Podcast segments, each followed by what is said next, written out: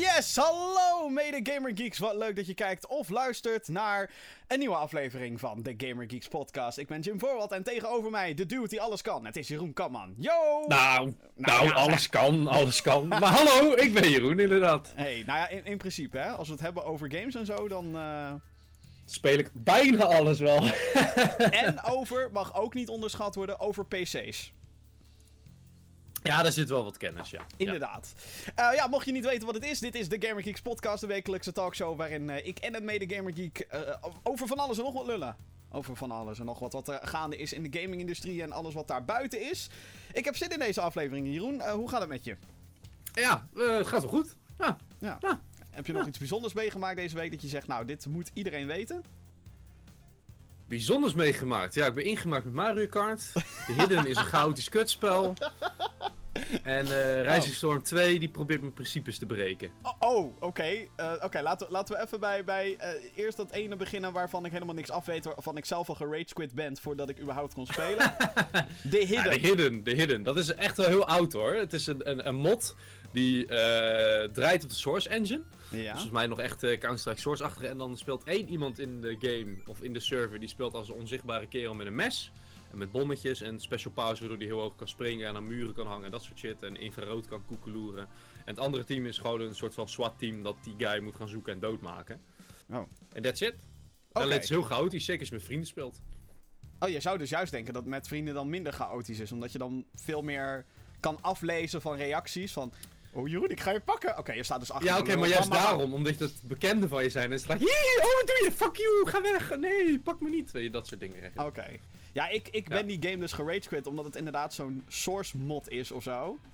En toen zat ik al helemaal... Dan probeer je die boot te installeren. Dan moet je een mod downloaden via zo'n mod website. En die heeft Een super trage servers. En eh, dan, dan ga je eenmaal opstarten en dan wil die maps niet downloaden. En zo moet je weer in zo'n console command. Uiteindelijk is het me allemaal wel gelukt, maar toen had ik geen tijd meer. Dus dat, Nee, dat is altijd eh, een dingetje. Maar zou je zeggen, goh, dit is al iets grappigs wat ze in andere games moeten implementeren?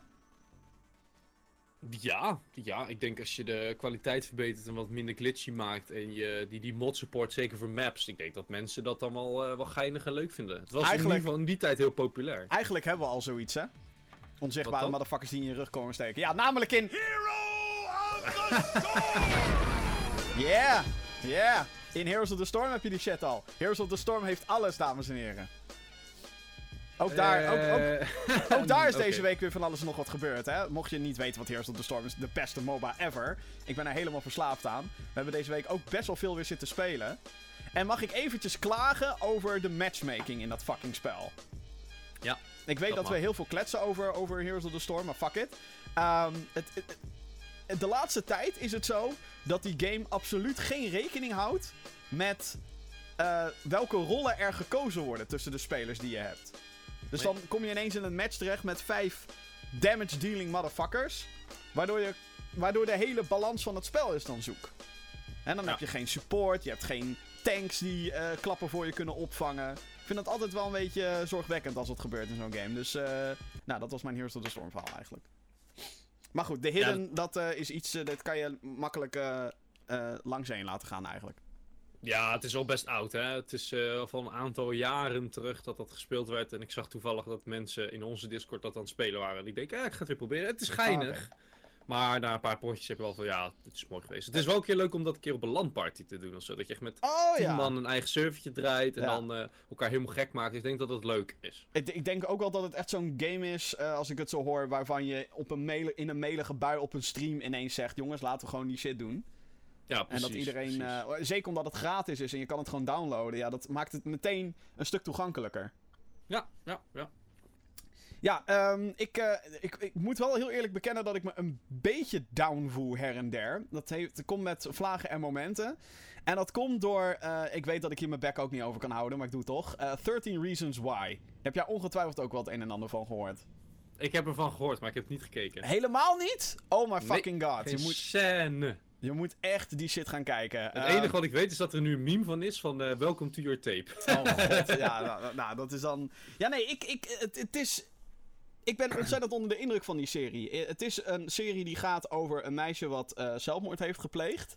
En laat dus allemaal inderdaad cassettebandjes achter waarop ze haar 13 reasons why, hè, waarom ze dat gedaan heeft, dat, eh, dat stuurt ze naar de mensen toe die daarop staan, die ermee te maken hebben. En ehm, nou, ik heb dat zitten kijken en er zijn wel wat dingen waarvan ik zoiets heb van, eh, weet je, het is een American team, dus er zijn cheerleadersgroepen, de sporters zijn de populairste kids. Nou, dat heb je allemaal in Nederland. Het is wel een beetje stereotyperend, laat maar zeggen. dat wel, ja. Maar ehm, ik, zat, ik, zat er wel dusdanig in dat ik het had van... waarom heeft ze het in godsnaam gedaan? Eh, En kleine spoiler, denk ik. De, de, de serie begint dat je denkt... Serieus? Is, is dit waarom je, waarom je jezelf om het leven hebt gebracht? Dan begint ze dus met... eh, oh, een jongen heeft me gezoend en heeft vervolgens een foto van me verspreid. Ja, weet je wel? En, en niet echt een big deal. Ook niet de foto zelf en de context eromheen. Het is eerder gewoon een gerucht wat verspreid wordt. En daar... Mm. Weet je wel, en... en eh, ik zeg niet dat, foto, dat als er een foto van je verspreid wordt, dat dat geen big deal is. Maar in dit geval, in dit geval in deze serie, had ze er even last van en was het daar een soort van klaar. Maar naarmate die tapes vorderen, wordt het ook steeds heftiger en ernstiger. En gaan al die personages die eromheen zitten, gaan dan veel meer met elkaar ehm, discussiëren met wat moeten we doen. Moeten we dit, hè? Moeten we die tapes ook eh, in, in de, wereld, de wereld inbrengen of niet? En waarom? Want iedereen heeft zijn geheimen en die geheimen worden gewoon gedeeld op die tapes. En ehm, wat, het, de serie heeft heel veel kritiek gekregen, omdat het zelfmoord zou romantiseren. Ehm, Zo, ja, wauw. soort van spoiler, maar dit kan je waarschijnlijk ook al verwachten. In de laatste aflevering, wanneer al die tapes dus klaar zijn, wordt dus daadwerkelijk de, de, hoe zij haarzelf om het leven brengt, wordt dan getoond. En in het echt zou het ongetwijfeld nog eh, smeriger zijn en nog minder mooi en dat soort dingen. Maar deze serie romantiseert absoluut niet het idee van, van zelfmoord. Absoluut Nee, niet. precies. Maar dat zeggen ze ook over, over oorlogsfilms. Van jou, Ja. dat is een pro-oorlogsfilm. Eh, mensen hun armen vliegen eraf. Eh, wat? Ja, Weet precies. je, Ja, je het ziet is- mensen roepen om een moeder. Wat? En vooral, Hoe is dit voor? En vooral hoe al die personages uiteindelijk achtergelaten worden. Dat heeft bij mij Ja. zo'n, zo'n dikke impact gehad. Dat ik me gewoon de dag. eh, ik keek het af op het afgelopen donderdag. Keek ik het af. En op vrijdag zat ik gewoon half depri op werk. Dat ik gewoon zoiets had van. Ik, ik heb er gewoon even helemaal geen zin in, jongens. En dan lach je de boel maar een beetje weg. En, is, en ik had ook niet verwacht dat een serie dat met mij voor elkaar zou krijgen. Want normaal kijk je, Game of Thrones, je weet alles is nep. Breaking Bad, allemaal fictie. En 13 Reasons Why is ook fictie. Alleen, het kan wel gebeuren. En dat, dat, dat vond ik op de een of andere manier, was, werd, ik daar een beetje stil van. Ik had van, oh shit. Eh, damn. En dat- ik denk dat- dat daarom zo populair is, de serie. ik denk het ook, ja. Het- eh, maar het is zo fucking goed geschreven. Het, je, je wilt echt, net zoals de guy, de, ho- de hoofdrolspeler die, dus- die dus die tapes ontdekt. Je wilt echt, net zoals hem, wil je weten wat er zich heeft afgespeeld. Of hoe zij over dingen dacht. Hannah Baker, dat meisje dat zelfmoord heeft gepleegd. Het is echt, het is ehm, super heftig. En ik raad het iedereen aan. Behalve als je eh, je echt niet goed voelt. Dan Als zou je ik er zeggen... gevoelig voor bent, laat maar zeggen. Ja, precies. Of, of kijk het dan met iemand waar je je heel erg veilig mee voelt, waar je ermee over kan praten. Want, ehm, ja, zoals ik al zei, het romantiseert absoluut niet alles. eh, en, en het is best wel heftig.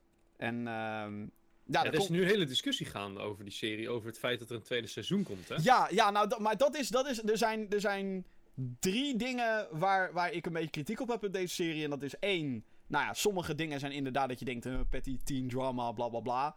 Eh, en dat sommige, de, personages zijn wel stereotypisch. Hè, je hebt de sportdude, je hebt de bully, je hebt de, de nerd, je hebt de... eh, Weet je wel, dat zijn ze allemaal. Ehm, alleen wat het voordeel daarvan is, is dat je je wel vaak kan identificeren met één van die typetjes. Dat is dan weer het voordeel. Maar eh, eh, kritiekpunt 2, iedereen is knap. Echt, iedereen is fucking knap in die serie. Zelfs degene die ze willen afschilderen als... Oh, deze is niet zo populair, want ze is niet zo knap. Is alsnog fucking knap.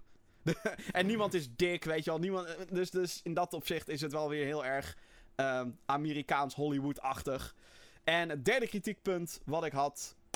Is inderdaad ehm, dat ze te veel verhaallijnen openlaten voor seizoen 2. Dat, dat, misschien beschouw je dat ook als een spoiler, maar eh, ja, ze, ze laten wel echt, zeker in die laatste aflevering van... Oh ja, dit gebeurt er ook nog met die guy. Wat? Wat the... Wat? En nu wil, ik, nu wil ik het dus zien. En iedereen die dus nu kritiek loopt eh, en, boycott gaat roepen... Oh, we gaan geen 30 Reasons Why seizoen 2 kijken, want seizoen 1 was al mooi genoeg. gaan ze toch wel doen. Ze gaan maar- het allemaal kijken. Dus ehm, ja, nee, eh, absoluut. Sorry dat ik weer even off-topic ga. Want dat is natuurlijk niet echt de bedoeling dat we dat hier de hele tijd gaan doen.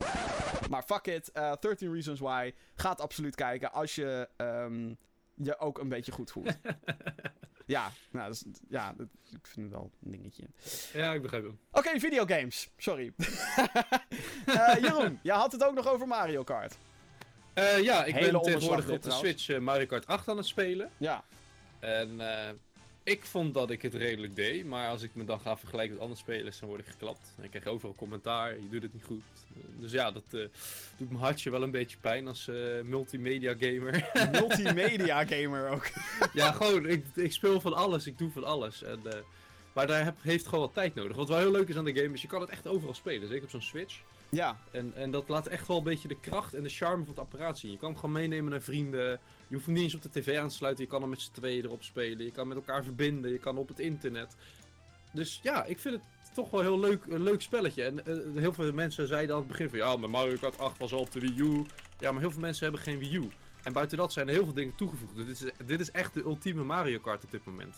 Ja, ik vind hem ook ontzettend gaaf. Ehm, ik heb inderdaad Mario Kart 8 ook niet... Althans, ik heb hem helemaal niet gespeeld op de Wii U. Misschien wel eens af en toe op een beurs of weet je wel, eh, tussendoor bij iemand een keer. Maar niet dat ik echt de circuits leerde kennen en, en dat soort dingen. Maar het is wel echt een... ehm, het is zo slim van Nintendo. eh, en, en goed ook dat ze al die... Nou, al die... In dit geval een Wii U game... Die al goed was, waarvan ze weten... Dit is gewoon dikke prima. Dat ze die poorten met alle DLC inbegrepen. Hoppakee. En nog extra's. Wat, wat, eh, oh ja, de balloon. die battles eh, en de battle mode is inderdaad. Ja. da- daar heb ik nog helemaal niet in gedoken. Als Oh, heel ik wel. eerlijk Er ben. zitten echt wel leuke dingetjes tussen. Al Ja? is natuurlijk het racen echt wat ik van Mario Kart het leukste vind.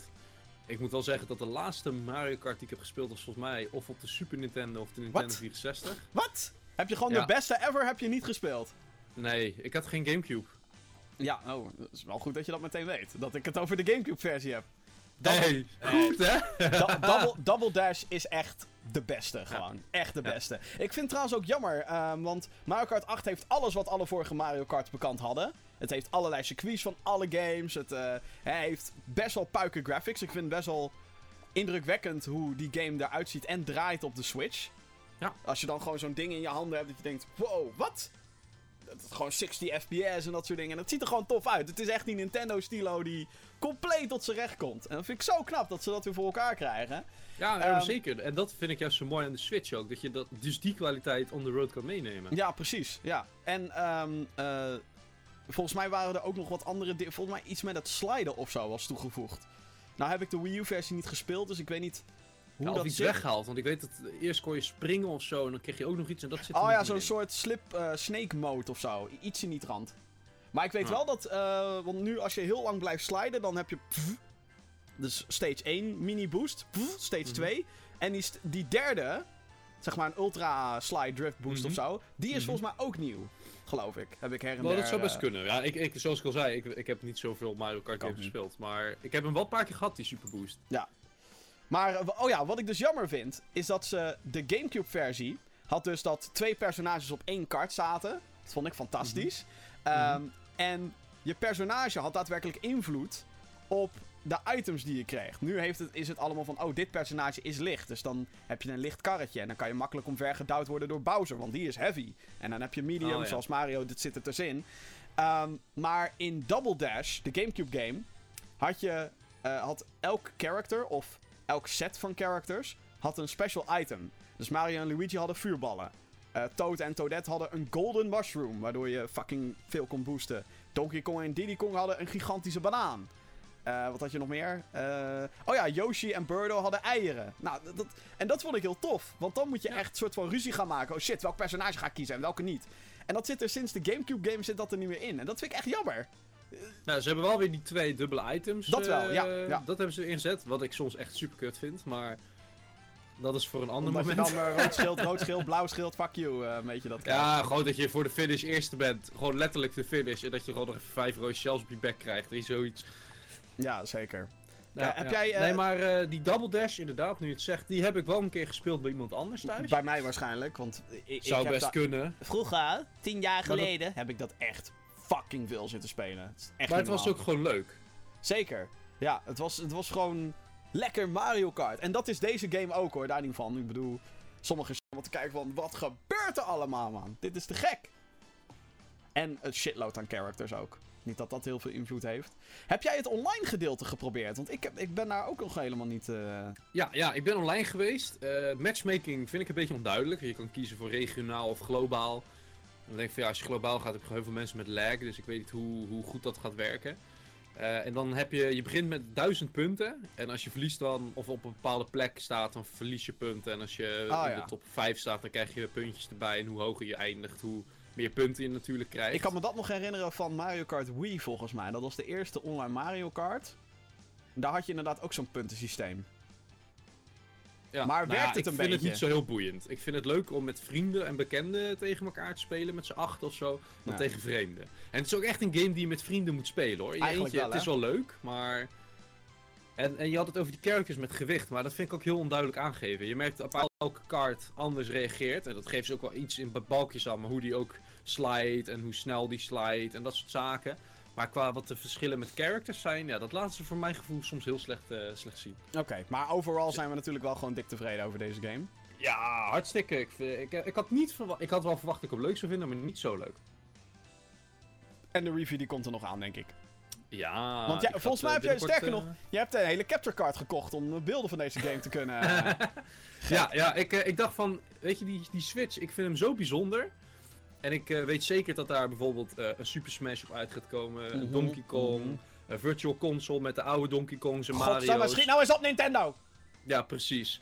Maar ik had zo van, die games wil ik gaan livestreamen. Die games wil ik gaan opnemen. En dat kan niet zonder capture card. Nee, dus waarom niet gewoon gelijk een 1080 60 fps capture card in mijn computer Hoppakee, bouwen? bam. Had je niet gewoon meteen een 4K dingetje kunnen...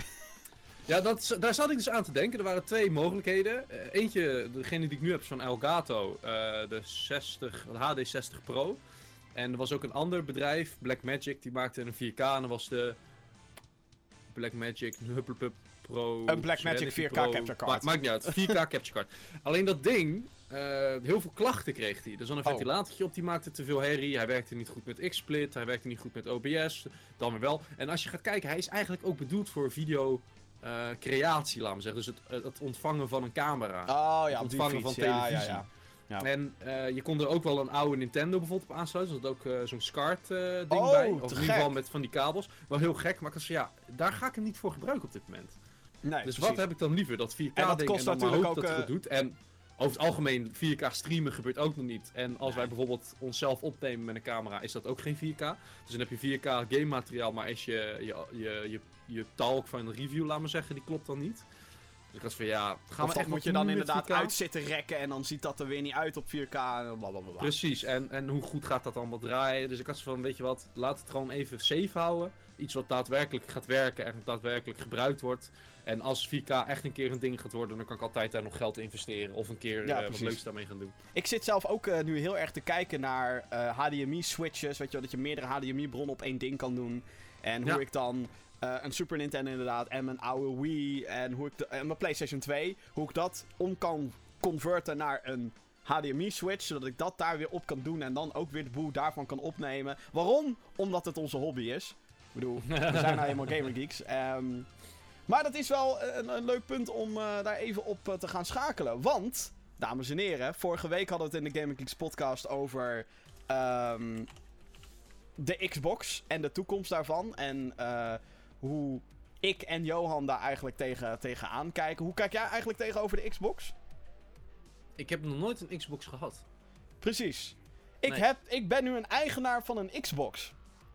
Nou, wees er trots op. En dat was, en dat was heel onverwachts. Ik kreeg ineens van eh, de, de, de vriend van mijn zus. Wat, wat maakt hem dat dan? Nou, maakt niet uit. Ehm, die, die zei ineens... Ja, ik weet niet hoe ik met mijn Xbox 60 aan moet. Ik denk dat ik hem moet verkopen. En ik had zoiets van... Nou, oké, eh, wat wil je ervoor hebben? Want hey, ik, eh, ik ben, ben niet een diehard verzamelaar. Maar hey, hoe meer dingen, hoe beter. En ik heb nog nooit de Xbox gehad. Zelf. Dus hij... Oh, oh, weet je wat? Hier. Ja, je mag hem hebben. Dus nu heb ik een Xbox 360... thu- eh, Xbox 360 is het. Heb ik thuis staan. En... Ik vind het eigenlijk wel leuk om eens een keer een andere console te hebben die geen PlayStation of Nintendo is. Wat ik Ja, heel oké, maar raar vind. ga je nog iets doen met die 360? Zijn er nou echt games waar je even van hebt van ja, die Nou, moet ik nu nog gaan spelen? Dat is inderdaad. Ik heb een stapel met games erbij gekregen. En ik kom net van een, een, een kleedjesmarkt af. Waar ik nog wat Xbox games heb gehaald. En het is misschien wel leuk om even langs die stapel te gaan. Die ik hier heb. Ehm, dus ik, ik heb een aantal Xbox 360 games. En dan moeten we eigenlijk straks het probleem identificeren die de Xbox al jarenlang heeft. Oké, de eerste die ik heb is Max Payne 3. Nou, leuk spelletje. Heb ik op de PC. Wel tof dat ik hem eh, ook voor de Xbox heb. De volgende twee: Gears of War 3 en Judgment. Judgment is de prequel. Nou, die vind ik tof. Die wil ik wel echt gaan spelen. Daarna Call of Duty Black Ops 2.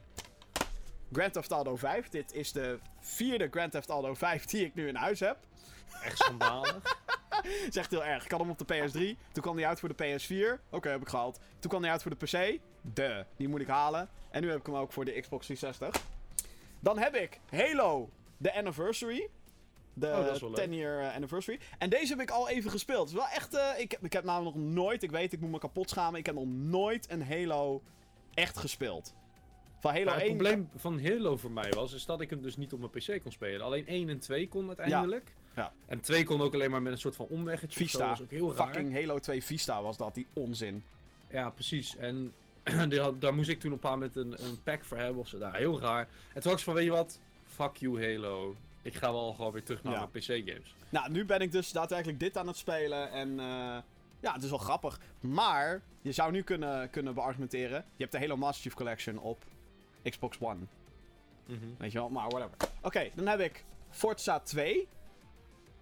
Best wel eh, lang geleden. Bioshock Infinite, die ik al, eh, ook al op PC heb uitgespeeld. En op PS3 en op PS4.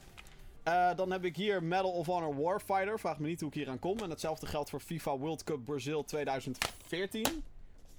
99 Nights. Wat was dat ook alweer? Dat was een hack-and-slash game, dames en heren. Van Tak Fuji. Zeg me niks. En die kan je kennen van... Wow, 1 million troops. Ja, Ken je die ken nog, die wel, persconferentie? Prachtig. Zoek op Konami E E3 2010. En lach je billen eraf. Dan... eh, oh ja, deze heb ik dus op een kleedjesmarkt gekocht net. Net zoals, ik ben er helemaal in gedoken. Halo 3 ODST. Halo Die Wars en Halo 3 in een bundeltje. En Halo Reach. Dus ik heb fucking. Hoeveel zijn het? 1, 2, 3, 4, 5 Halo games hebben we voor Xbox 360. Wat is nou het probleem van de Xbox 360? En Xbox in het algemeen? Dat is, dat is het. Je hebt Gears of War, je hebt Halo. Dan heb je nog dingetjes zoals. Crackdown wil ik heel graag spelen. De eerste Crackdown game. Daar heb ik van gehoord dat die echt te gek is. Maar voor de rest is het allemaal dingen die je ook op andere platforms kan spelen. Ik heb al heel lang een PS3, dus daar heb ik allemaal shitload aan games voor. Op Yep. de PC kan je natuurlijk van alles en nog wat spelen. En ehm, ik, ik vind het wel interessant, want ik heb dus dat ding aangesloten. Wat ik fucking indrukwekkend vind van die Xbox 360 is dat ze de interface en zo. Dat is allemaal super modern. Terwijl als je nagaat dat die console sinds 2005 bestaat.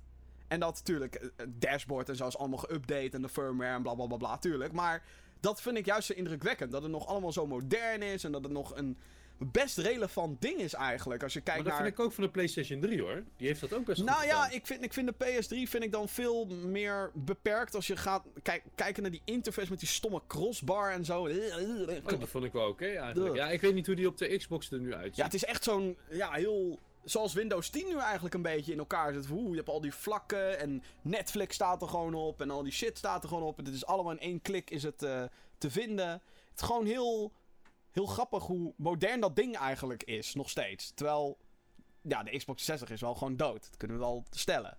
Ja, maar weet je wat ik ook een beetje heb met Xbox nu? Ik had op een een periode van, nou eigenlijk wil ik van alle consoles wel een versie hebben. Ja, Zodat ja, ik hun exclusieve games ooit nog een keer kan spelen. zeker. Maar nu heb ik een beetje het idee van, is dat nodig? Want op Xbox de exclusives, zeker de nieuwe die nu gaan komen, komen allemaal naar eh, PC. ook. Ja, Windows 10. Ja, precies. Dus fuck de Xbox. Ja. zou ik die dan nog überhaupt halen? En ja, nee, het, PlayStation heeft dan wel zijn, zijn streamingdienst. Maar ik zeg ja, streamen. eh, ja, maar de weet PlayStation heeft niet. gewoon veel meer gevarieerde eh, exclusives. Ook als ik Ja, kijk naar precies. PS3 versus Xbox 360 hoor. Dan heb ik ook zoiets Mhm. van. Kijk, de. eh, heel veel mensen vinden Halo en Gears of War wel echt het toppunt van knallen. Maar dat wil niet zeggen dat de PlayStation 3 geen goede knalgames heeft. Die heeft Resistance en Killzone. Ik denk wel dat die twee weggeflikkerd worden door Halo en Gears. Daar niet van. Maar al- zeker als ik kijk naar hoe beide series een beetje zijn ontvangen in het algemeen. Alhoewel ik wel Killzone echt te gek vind, moet ik erbij zeggen. Maar het is, ik vind dat heel fascinerend om dan nu soort van terug te kijken naar de catalogus van de Xbox 360. En dat heel veel games nu ook obsolete zijn. Want heel veel shit is multiplayer. Xbox 360 Oh ja, was en echt dat is klaar. het was echt de, de, de, hè, de opkomst van online gaming. Dat was de Xbox 1 was het eigenlijk ook al met Xbox Live toen en Halo 2. Heel veel mensen vinden dat zeg maar de console game die online console gaming op de kaart heeft gezet. Maar Xbox 360 bors- borduurde daar als een console volledig op voort. En als je dan nu kijkt naar al die games, ja...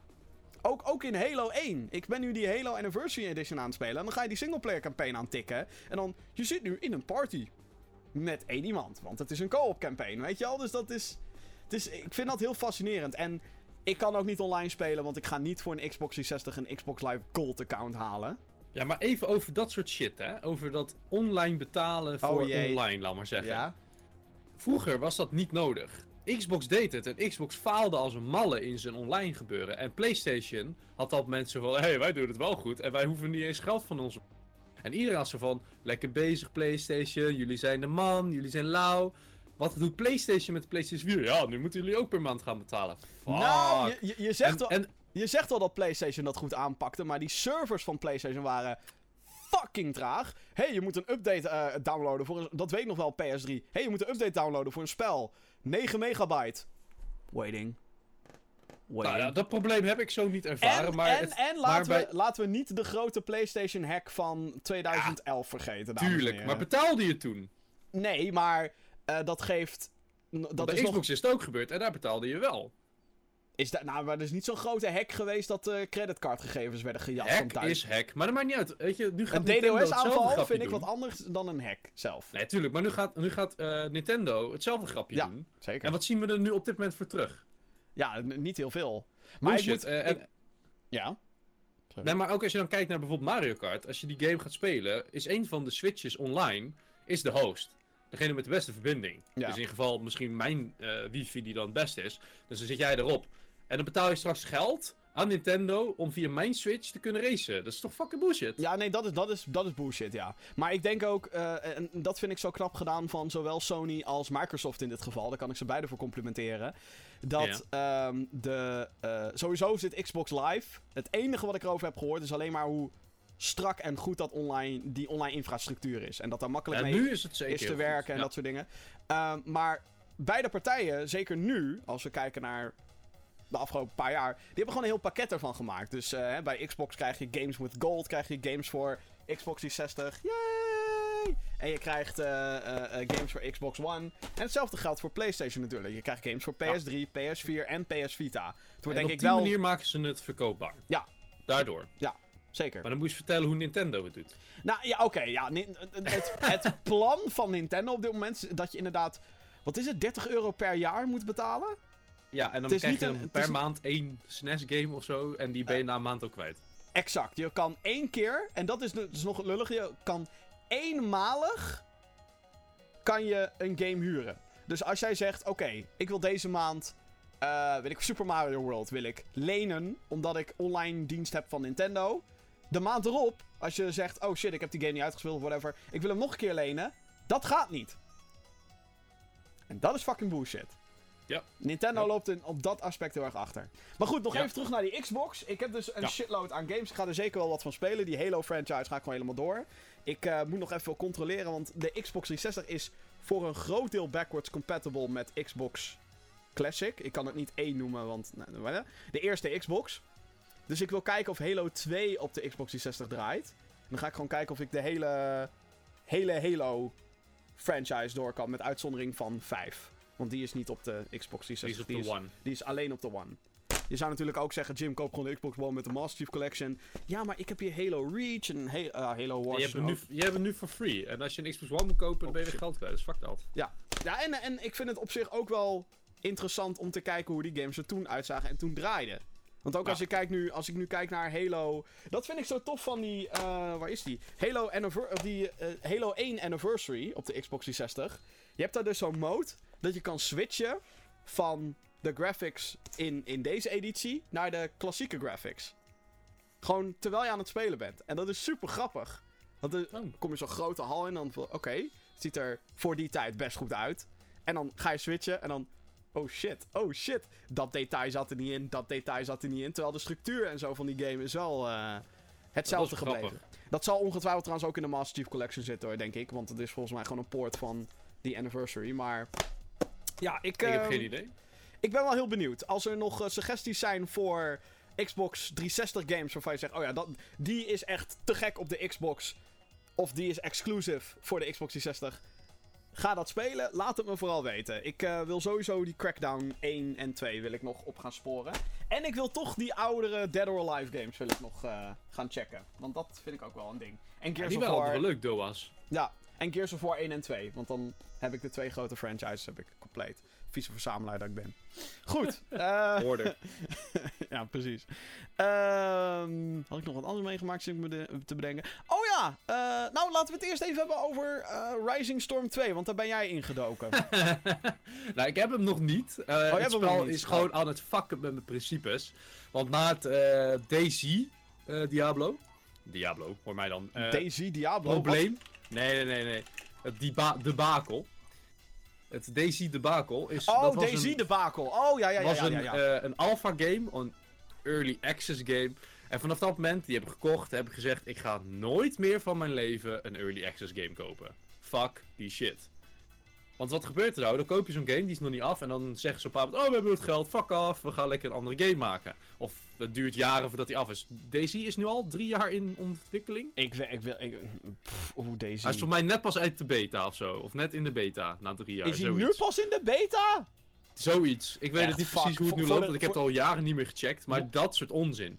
En ik heb ook eh, Star Citizen nog eh gebackt, laat maar zeggen, daarvoor. Ja. Ik heb zo ik doe, het, ik doe het niet meer. Het kost me te veel geld en ik heb geen product. En ik moet toch nog andere producten afmaken en uitspelen. Dus Want fuck die shit. Laat, laten we, e- ik bedoel, wij hebben beide een geschiedenis met Daisy. Daisy is een survival game. Ehm, het was een mod voor Arma, geloof ik. Daar begon het. Ja, het was een mod voor Arma 2 uiteindelijk. En Ja. dat is dan een losstaande game geworden met een net wat nieuwere engine. En daar is een studio opgezet eh, vanuit, eh, Want het- vanuit Arma ook. Het, is een, het is een game waarin je dus eh, nou, met een t-shirtje en een boxershort begint. En je bent in een groot Russisch landschap. Het is Russisch, toch? Ja. En je moet eigenlijk gewoon overleven. En dan kom je natuurlijk andere spelers tegen. En dan is het van, wie ben jij? Kan ik jou vertrouwen? Nee, want iedereen schiet elkaar toch al verrot als ze een gun Ja, hebben precies. En dat, is ook het probleem van die game. Is dat iedereen gewoon eerst schiet en daarna vragen stelt. Ja, ja, Ik ja. weet niet hoe dat nu is, Ja, en maar als je het was oh ook zo, zo glitchy als fuck gewoon. Ja, en als je dus dood bent, dan, ehm, ja, dan moet je helemaal opnieuw overnieuw beginnen. En eh, ik weet dat wij ook een paar streams hebben gehad met Daisy. En dat we ons helemaal gelachen hebben, omdat je dan met een grote groep bent. En dat iemand vertrouwt iemand anders niet. En dan schiet je elkaar verrot. Ik weet nog heel goed dat Arjan eh, van, eh, van eh, Arjan.org, die had toen iemand neergeschoten. En die riep, Jim, wat doe je nou? En, re- en rende toen keihard weg. En iedereen ging mij blamen. Jim, waarom heb je dat gedaan? Verdomme, bla bla bla. Maar dat is ook meteen zo frustrerend, want je bent dan drie uur bezig om door dat landschap te wandelen. Hopelijk kom je dan iemand tegen die, die je kent. Zeker als je in zo'n stream bent met allemaal bekende mensen. Ja, je probeert eten en, en water te vinden en allemaal gear. En dan word je neergeknald en dan is al die moeite is gone. Gewoon. Yep. yep. Maar En wat dat inderdaad was het het pro- probleem.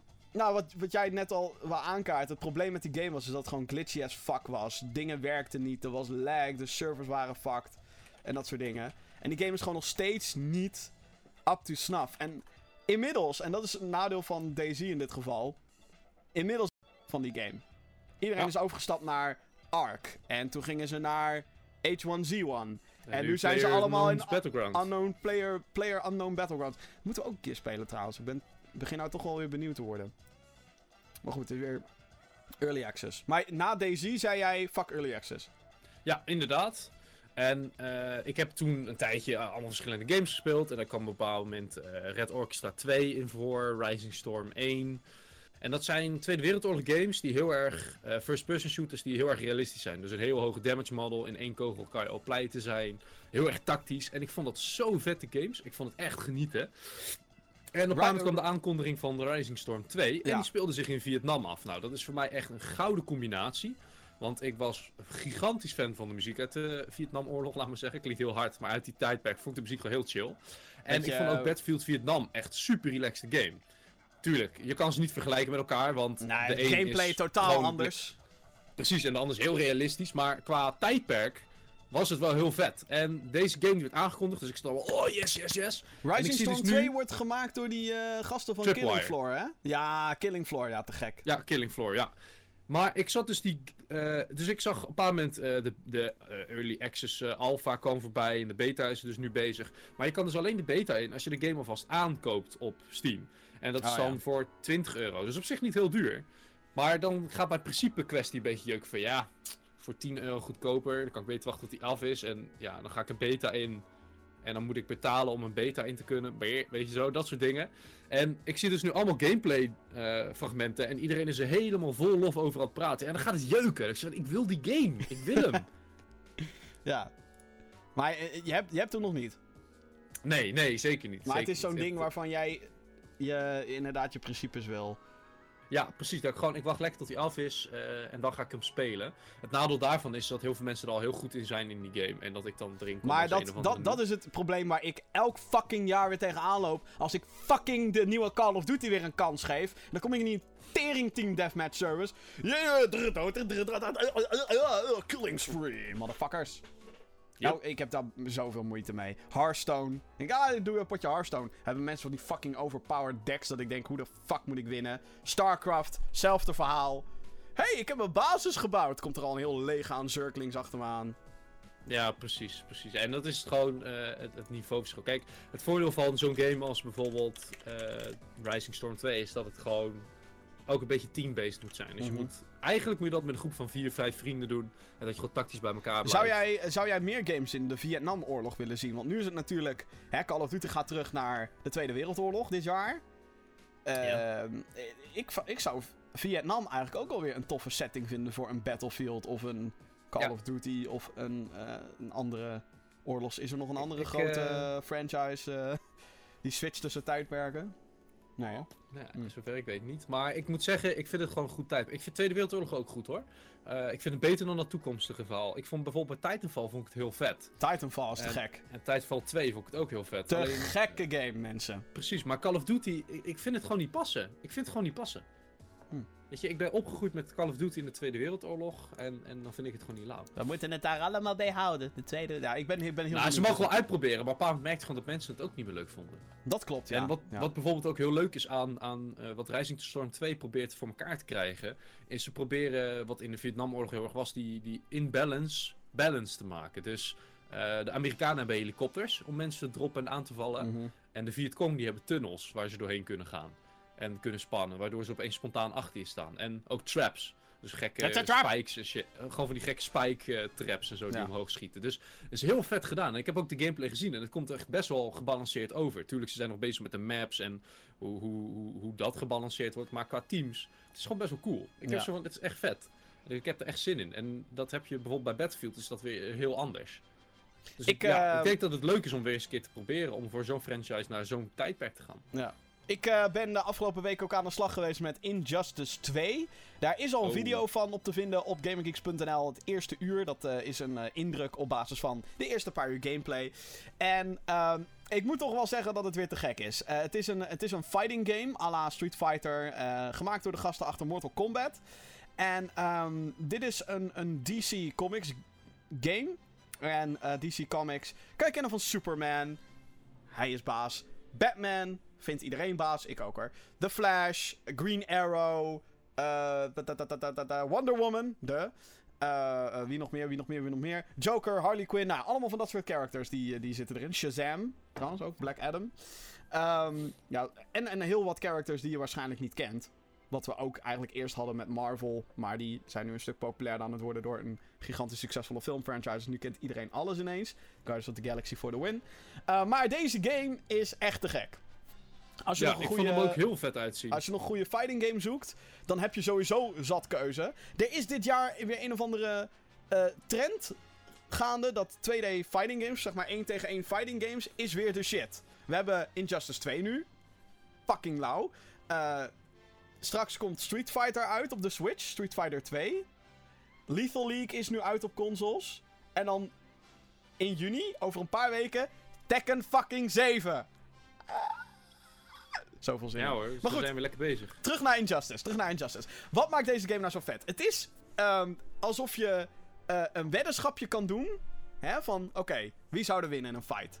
Superman of Batman? En als die twee dan tegen elkaar gaan knokken, alle moves zijn aanwezig. Dus Superman heeft zijn adem, zijn, eh, zijn ijsadem, zijn laserogen. Zijn laser eyes. Eh, en hij vliegt ook de hele tijd. Hij staat niet eens op de grond, hij vliegt gewoon. Hij is een arrogante klootzak in deze game. Vind ik heerlijk. een geweldige versie van Superman is het. Het is, een, het is een versie van Superman waarin hij eigenlijk een soort bad guy is. Zo heeft van, jongens, jullie verneuken allemaal de aarde. Ik neem het nu over. En gaat daar dan weer in te ver. En dat vind ik... Ja, eh, precies. het is een versie van Superman die ze op dit moment ook in de films heel erg aan het teasen zijn. Want het is niet de, de Boy Scout. Hey, ik ben Superman, ik sta voor alles wat goed is. eh.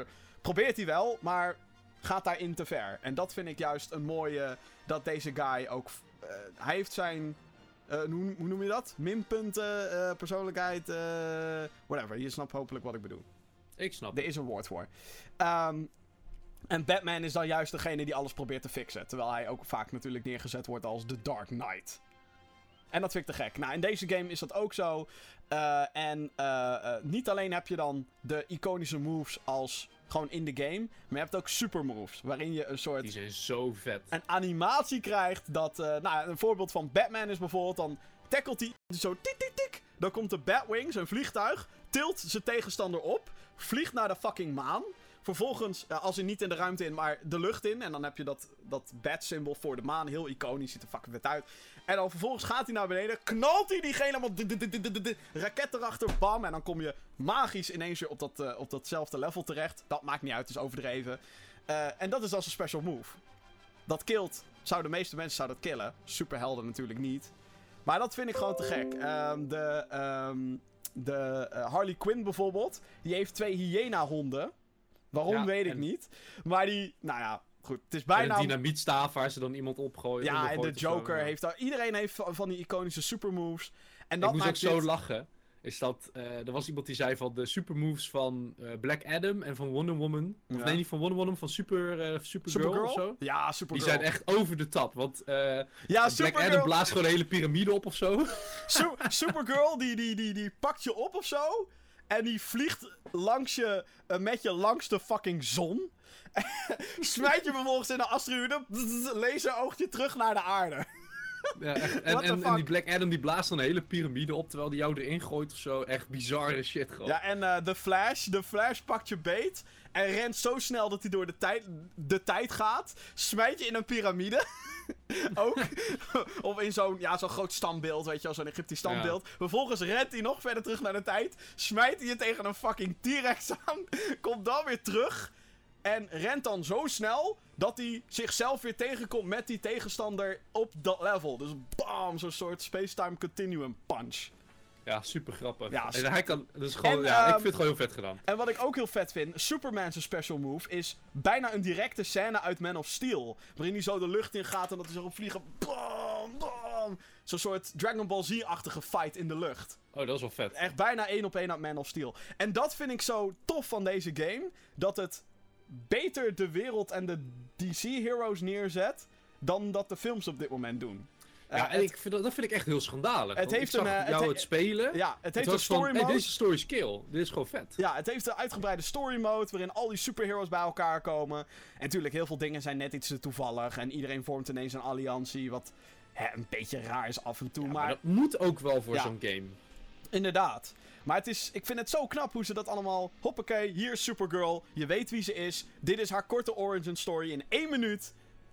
Nou, perfect. En dat zetten ze zo goed neer. Ik vind het zo vet, die story mode. Dat is echt... eh, da- da- daar, daar, ik ben er heel enthousiast over. En dan... Wat ik heel chill vind in de combat van die game, is Mhm. dat als jij dus... Normaal gesproken had je, als je iemand had verslagen, dan kreeg je, eh, hoe heet het, eh, you won round 2 fight. Ja, En hier is het gewoon, je hebt een balk, die is op, dan maak je de ene even een tand naar de ander en dan ga je gewoon weer verder. En dat vind ik heel Ja, chill. dat hebben ze het volgens mij zo eh, seamlessly. Eh, volgens mij het Killer Instinct, die begon daar volgens mij mee. Heel, heel Oké, wat jaar geleden. Kan ik me ook nog wel herinneren dat ze dat deden. En eh, wat ik tof vind van deze game ook, maar ik moet natuurlijk nog maar uitvinden hoe tof dat is. Eh, de Injustice 1 had ik zoiets van: oké, ik heb de story mode uitgespeeld. Ik heb wel potjes gespeeld met mijn vrienden. Klaar. Deze game heeft gear voor jouw personages. Dus je kan levelen en zo. En dan eh, krijg je van die loot chests of je krijgt random drops. Dus Superman kan ander armor krijgen. Wonder Woman kan een ander schild krijgen. Of een andere tiara. Of Batman heeft allerlei verschillende armor suits. En eh, daarmee eh, kan je ook bepaalde moves volgens mij unlocken of sterker maken. Je snelheid is bijvoorbeeld 5% sterker. Of, maar je bent 5% zwakker. Of dat soort dingen. Eh, eh, of je, nou ja, gewoon allemaal van die stat upgrades heb je daarin zitten. En ik vind dat wel interessant, omdat je dan helemaal gaat kijken van... Oké, mm, werkt dit goed in combinatie met elkaar? Eh, het is een beetje een RPG-systeem in zo'n 1 tegen 1 fighting game. En dan zijn er natuurlijk ook premier skins van... voor de comicboek nerds is dat fantastisch. Dat je een bepaalde versie van Superman hebt. Compleet in die stilo, in Injustice 2. Die er overigens ook heel goed uitziet. Ik denk echt van wow, die designs die ze hebben Alleen gemaakt. krijg je dan niet een beetje. Ik weet niet of je er ook voor kan betalen, dat het microtransacties zijn, maar wordt niet dan een beetje zo van pay to Oeh, win? ik weet eh, niet- ik je, weet als je eigenlijk meer niet keer of dat- hebt, ben je sowieso beter. Ik ben bang dat dat er gewoon in zit. Dat moet wel. Ja. Ik bedoel, het is natuurlijk de beste manier om geld te verdienen. Zie Overwatch. Fucking lootboxes. Eh, of Battlefield heeft het ook trouwens. Battle packs. En eh, en, eh, Call of Duty heeft hetzelfde. Van die stomme dingen. Maar ik weet niet of dat daar daadwerkelijk invloed heeft op de stats. Het zal wel. Ehm Nee, Bij Battlefield volgens mij niet, zijn het alleen maar kleurtjes. Battlefield oh nee, nee. Battlefield niet. Nee. Maar eh, Call of Duty weet ik niet zeker. Eerlijk gezegd. Zo, zo, zo ik diep weet zit ik niet in. Maar ja, in die zin kan het wel pay to win worden. Maar ik kan me zo bedenken dat er een eh, level scaling in zit. Want die fighting game moet wel vermakelijk blijven natuurlijk. Denk ik. Maar ik heb daar nog helemaal niet in gedoken. Want ik ga eerst lekker die story mode doen. En daarna ga ik al die customizable dingen uitproberen. Nou, ik vind het al vet dat je, als je door die story mode heen gaat, unlock je ook al een aantal dingen. En de ehm, DLC van die Injustice 2, dat worden te gekke characters. Ik zag al een paar. Eén DLC-character in Injustice is Sub-Zero. Sub-Zero. Ja, uit Mortal Kombat. Hey, zelfde ontwikkelaar. Waarom Ja, niet? ja, wel Hoe vet, vet, is dat? vet. Superman versus Sub-Zero. Er was ooit een game dat heette Mortal Kombat vs. DC Universe. Dat was toen helemaal van... Ja, maar we willen niet dat er fatalities in zitten hoor. Want wij zijn DC Com... En nu hebben ze zoiets van... Fuck it. Gewoon... Bam. Maar ja, er Ja. zitten ook geen fatalities in deze game. Nee, dat klopt. Nee, maar zo, Je sommige... niet wo- iemands hoofd eraf of zo. Nee, nee, dat niet. Nee, nee, nee. Dat zou ook echt niet passen in, in zo'n... Dat zou ik wel heel vet vinden hoor. Dat zou wel heel vet zijn, van ja. Superman eraf trekken. Hè? Ja, of gewoon Superman die gewoon... Hey Batman, ik heb superpowers, weet je nog? Fuck you met je armor. Ja, echt hè, keihard.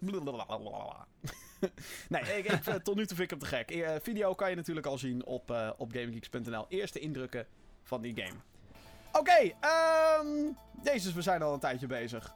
we moeten nog bespreken wat er in het Gaming Geek nieuws zat. En daar zat het een en ander in.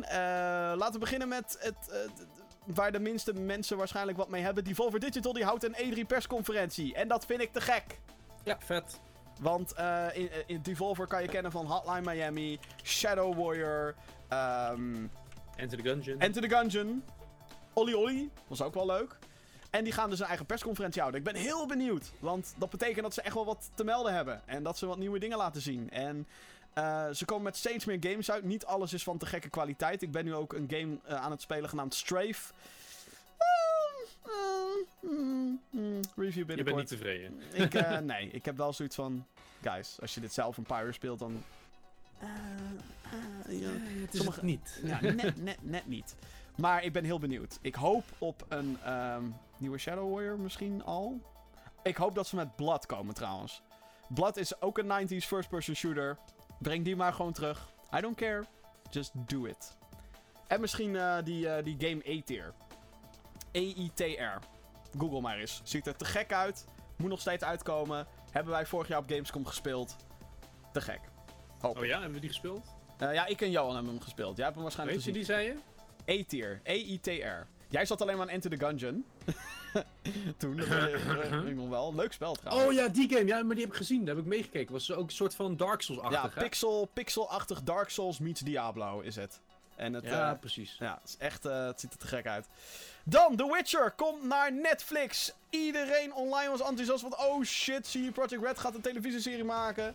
Nope. Eh, nope. Ehm, het is inderdaad waar. De, eh, Netflix komt met een televisieserie rondom The Witcher. Alleen is het wel zo dat eh, deze serie helemaal niks met de games te maken gaat hebben. Het eh, wordt gebaseerd op de boeken. Waar de games Yep. ook in eerste instantie op gebaseerd zijn. En de auteur van de boeken was niet echt tevreden over hoe de games het verhaal neer hadden gezet. Denk ik ook wel van ja, ik bedoel, je geeft de rechten nou eenmaal aan zo'n studio. En ik vind wel dat de games iets bijzonders hebben gedaan.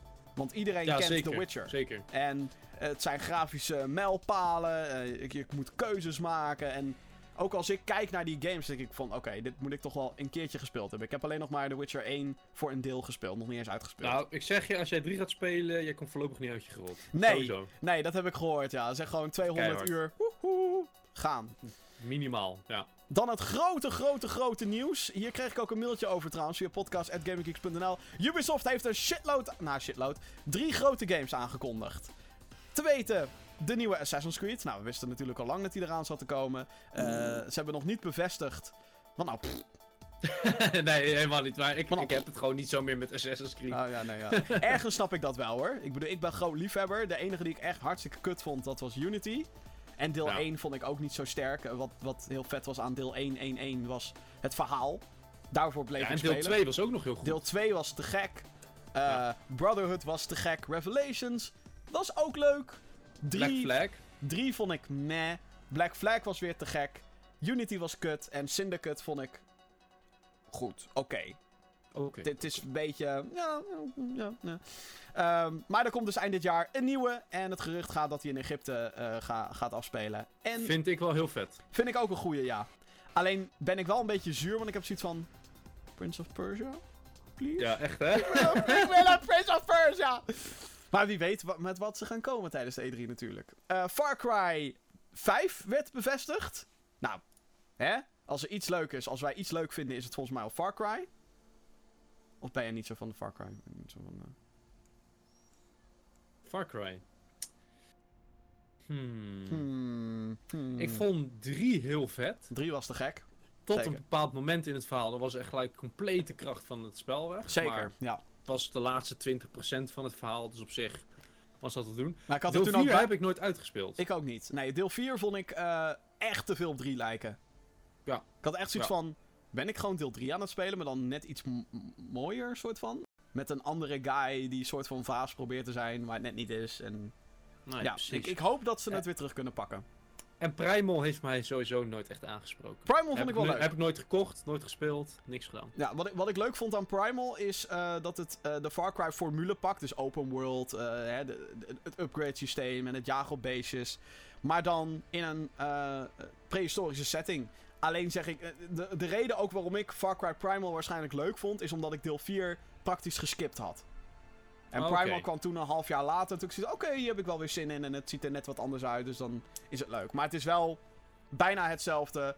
Maar je zou dan ook kunnen beargumenteren dat het minder is. Want je hebt dan natuurlijk niet de helikoptertjes uit deel 4. Je hebt niet de pa- het Nee, paragliding en zo. Dus het is een beetje een smaakkwestie. Eh, ik snap heel goed waarom je Primal leuk kan vinden. Maar ik snap, ik snap heel goed waarom je ook zou zeggen skippen. En, je weet kan hem ook nou makkelijk skippen. het grootste is wat ik mis van Far Cry. Nou, In Far Cry 2 had je wapens die kapot konden gaan. En dat vond ik zo vet. ja, ik, ik, ik had daar zelf een beetje ehm, moeite mee toen met Far Cry 2. Want dan ben je gewoon in een vuurgevecht. En terwijl je dat ding nog nooit hebt afgeschoten. Dan denk je, oh shit, ik ben in gevaar. Klik. Ja, god. Dan ging die fucking gun ging vastlopen. en dan moest je reloaden. Dat, dat, Ja, maar ik kocht altijd nooit- wapens bij zo'n weapons dealer. En dan waren ze helemaal mint gaaf. Dat werkte gewoon perfect. En dan kon Niks je dan was reliable 20 in die magazijnen doorheen schieten. Maar als je dus iemands wapen oppakte, dan kon die gewoon ontploffen als je één keer schoot. En Ja. ik, vond dat, ik vond het kick. Ik vond het zo spannend. Van, oh snap, ik moet een andere gun pakken. Het is wel een tof element, maar ik zou dat dus juist in inderdaad in zo'n Rising Storm doen of zo. Niet in Far Cry. Ja, ja, oké. oké. En ik vond Far Cry 2 Maar ja, het wordt rest- misschien te random, hè? Dat Nou, is wat- een beetje het ding. Wat het frustrerende was van Far Cry 2, kan ik me nog wel herinneren. Is het, dat was ook open world en zo, dat was in de savanne. Eh, je moest dan echt een pokkenend moest je rijden om ergens te komen. En dan kwam je random een groep gasten tegen. Nou, dan ging je gun ging vastzitten, dan ging je dood. Oké. Maar dan werd je teruggezet naar je fucking basis. Dus moest je dat hele fucking pokkenend weer rijden. Ja, fuck dat. Ja, dat, dat is gewoon frustrerend. Terwijl Far Cry En 3 dan je hadden ze mal- dat... malaria pilletjes die op waren en zo. Ja, dat soort shit. Ja, man. Ik bedoel, je kan het ook te, te engaging maken. En eh, de derde game die werd aangekondigd, eh, daar kreeg ik nog een mailtje van, van Tim. Eh, gegroet, Gamer Geeks. Deze week werd door Ubisoft The Crew 2 aangekondigd. Ik ben benieuwd wat voor verbeterpunten de ontwikkelstudio Ivory Tower gaat uitvoeren. Want ook al was ik erg enthousiast toen ik voor het eerst het concept van The Crew las en de eerste trailer, gameplay, E3 persconferentie. Maar toen de game uiteindelijk uitkwam, dat was 2014, vond ik het een vermakelijke game. Maar het maakte mijn verwachtingen uiteindelijk niet helemaal waar. Maar alsnog speel ik het nog regelmatig. Dan ben ik benieuwd wat Ik de volgende game gaat stront. Brengen. Ik vond het echt dik stront. Ik vond het ook shit. Ik vond de crew ook shit. Dat, had al die toffe ideeën, maar uiteindelijk was de gameplay gewoon... Ja. De AI was Ja, ook aan het cheaten als een motherfucker. was het niet mooi of nee, zo. nee. Gewoon juist dingen die je in een auto verwacht, die waren er niet. Een spiegel zat er wel, maar was blurry Ja, shit. dat was gewoon niet eens een spiegel, man. Ja. En dat En- hele en- en- crew-concept werd meteen weggeflikkerd. Want je had zo'n story mode. En daar moest je verplicht een aantal missies van doen voordat je überhaupt met mensen kon spelen, normaal. Eh, Mhm. eh, en dan was je gewoon een solo guy. Die undercover moest gaan in een racecircuit. En een beetje zo'n Need for Speed-achtige storyline. En wat dan fucking vervelend was. Ook al ging je dingen doen in de open... Want het is een soort open world racing game is het. Je ging dan random zijmissies doen. En dan om de vijf seconden ging zo'n bitch tegen je klagen. Hé, hey, eh, Alex. Nou, wonder dat ik me dat nog kan herinneren. Alex, eh, je moet daarheen, hè? Je moet die story mode doen. Hou je bek, ik wil gewoon racen met random mensen online. Ik wil gewoon door Amerika heen cruisen, zoals je wel beloofd in de trailer. maar... Ja, het, het grappige is, is dat ik dus nu mensen hoor van ja, de game is nu een stuk verbeterd, nu leuker. Maar ik zo, ja, maar dan is het te laat. Dat heb ik ook heel vaak. Dat, maar, te dat, laat. maar dat is altijd met reviews. Eh, eh, als ik een game review, eh, zeker als hij net uit is en, en hij is shit, dan loop ik, lo- krijg ik weet ik hoeveel haatcomments over me heen. Eh, ik wil niet veel zeggen, maar eh, de laatste patch eh, heeft dingen verbeterd. I don't care! Als ik die game net heb gekocht voor 60 fucking euro en ik vind hem kut, ja, dan is hij kut. Althans, dan vind Dan ik ga ik hem ook gelijk refunden als ik de kans krijg. En dan ga ik niet er drie jaar wachten of het wel geüpdate wordt. Het is altijd een. eh, zeker bij grote corporations. Heb ik vaak wel zoiets van. Er is geen excuus om dingen onafgemaakt uit te brengen. En Assassin's Creed Unity. Het maakt niet uit hoe goed die game verbeterd was. Die review staat zoals die er staat. Wat ik speelde was shit. Precies. En, sommige mensen moeten elementen- ook gewoon kijken naar de datum, hè. Ook, ja. En, en eh, eh, wat mensen ook niet doorhebben. Ik loop in. Als voorbeeld de Assassin's Creed Unity review. Ik loop erin te bitchen over hoe kut de framerate is. En hoe kut sommige elementen zijn. Zoals dat je een fucking app eh, op je telefoon moest spelen. om kisten te kunnen unlocken in de game. Dat is eruit. De framerate is inmiddels verbeterd. Oké, dat kan. Maar dat neemt niet weg dat ik vind dat de game een shit verhaal heeft. Dat de gameplay shit is. Dat de camera shit is. Dus, whatever. Maar, ehm, terug naar de crew. 2. Eh, ik ben er wel benieuwd naar. Ik ben wel benieuwd, maar ik verwacht er niet veel van of zo. Nou ja, Ubisoft heeft een soort reputatie van. Deel 1 is. Nee. En dan komt deel 2. En dan is het van. Dit is goed. Hè, Assassin's Creed, deel 1. Nee. nee. Deel 2. Fucking awesome. Watch Deel Dogs. drie, meh. Ja, ligt er al wat je als deel 3 beschouwt. Want Brotherhood vond ik wel goed. en dat was de derde. oké, oké. Maar eh, oké. Watch Dogs 1. Nee. En wat hoor ik over Watch Dogs 2? Ik hoor alleen maar dat die game goed is. Ik hoor alleen maar positief verhalen over Watch Dogs 2. Watch Dogs 1 heb ik heel kort gespeeld. Dat was zo'n Omdat ik saaie hem game. ooit een keer kreeg of zo. Dat was echt. eh Hallo, ik ben Eden. Ik ga shit hacken.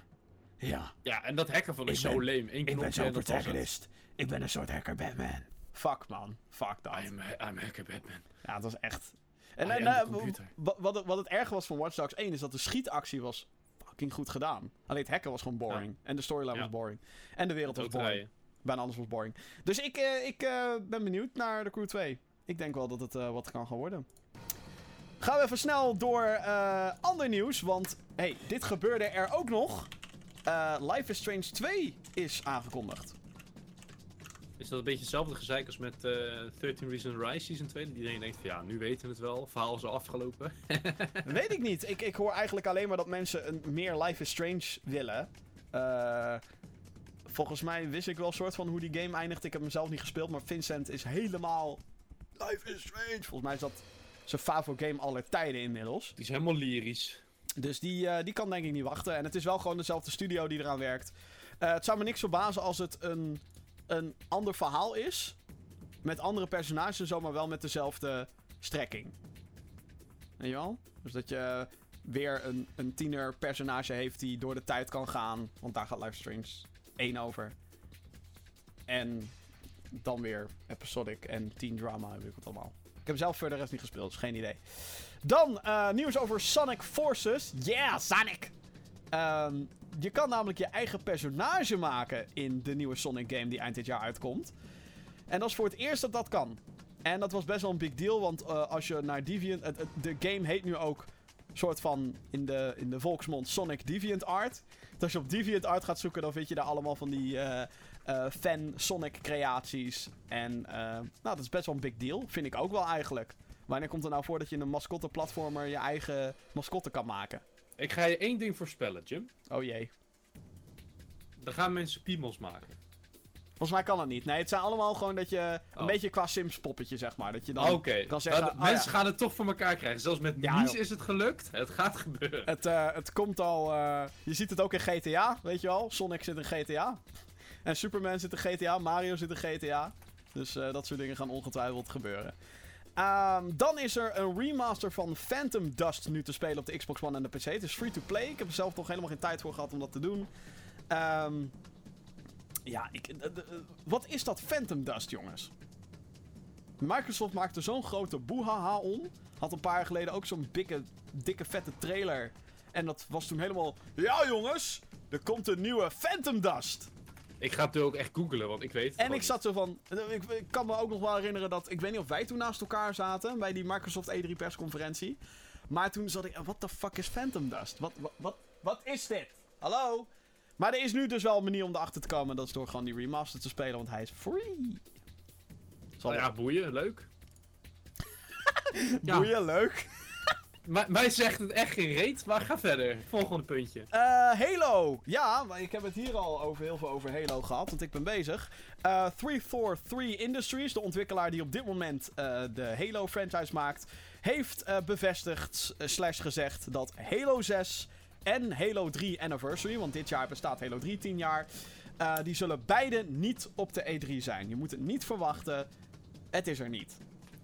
Is op de, aan de ene kant wel jammer, want ik denk dat Microsoft een goede boost kan gebruiken als het gaat om ehm, hè, Halo. Want Halo 5 was een beetje.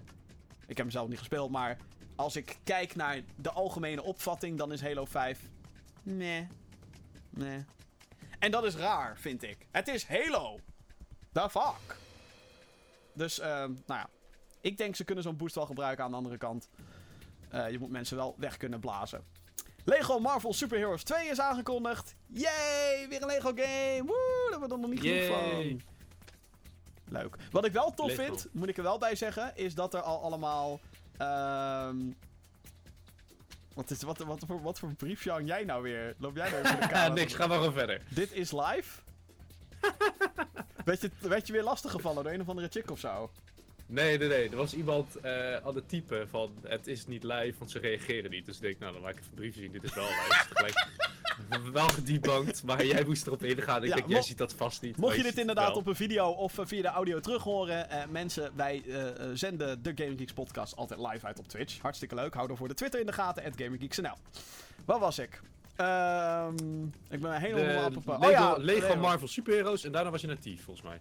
Ja, eh, Thief eh, reboot zou in de maak zijn, althans. Dat, daar waren geruchten van vorige week. Dat is toch niet het geval. Dus Nou, niet zo erg. nee, ja, Johan vond eh, de, de, de, de reboot helemaal kut.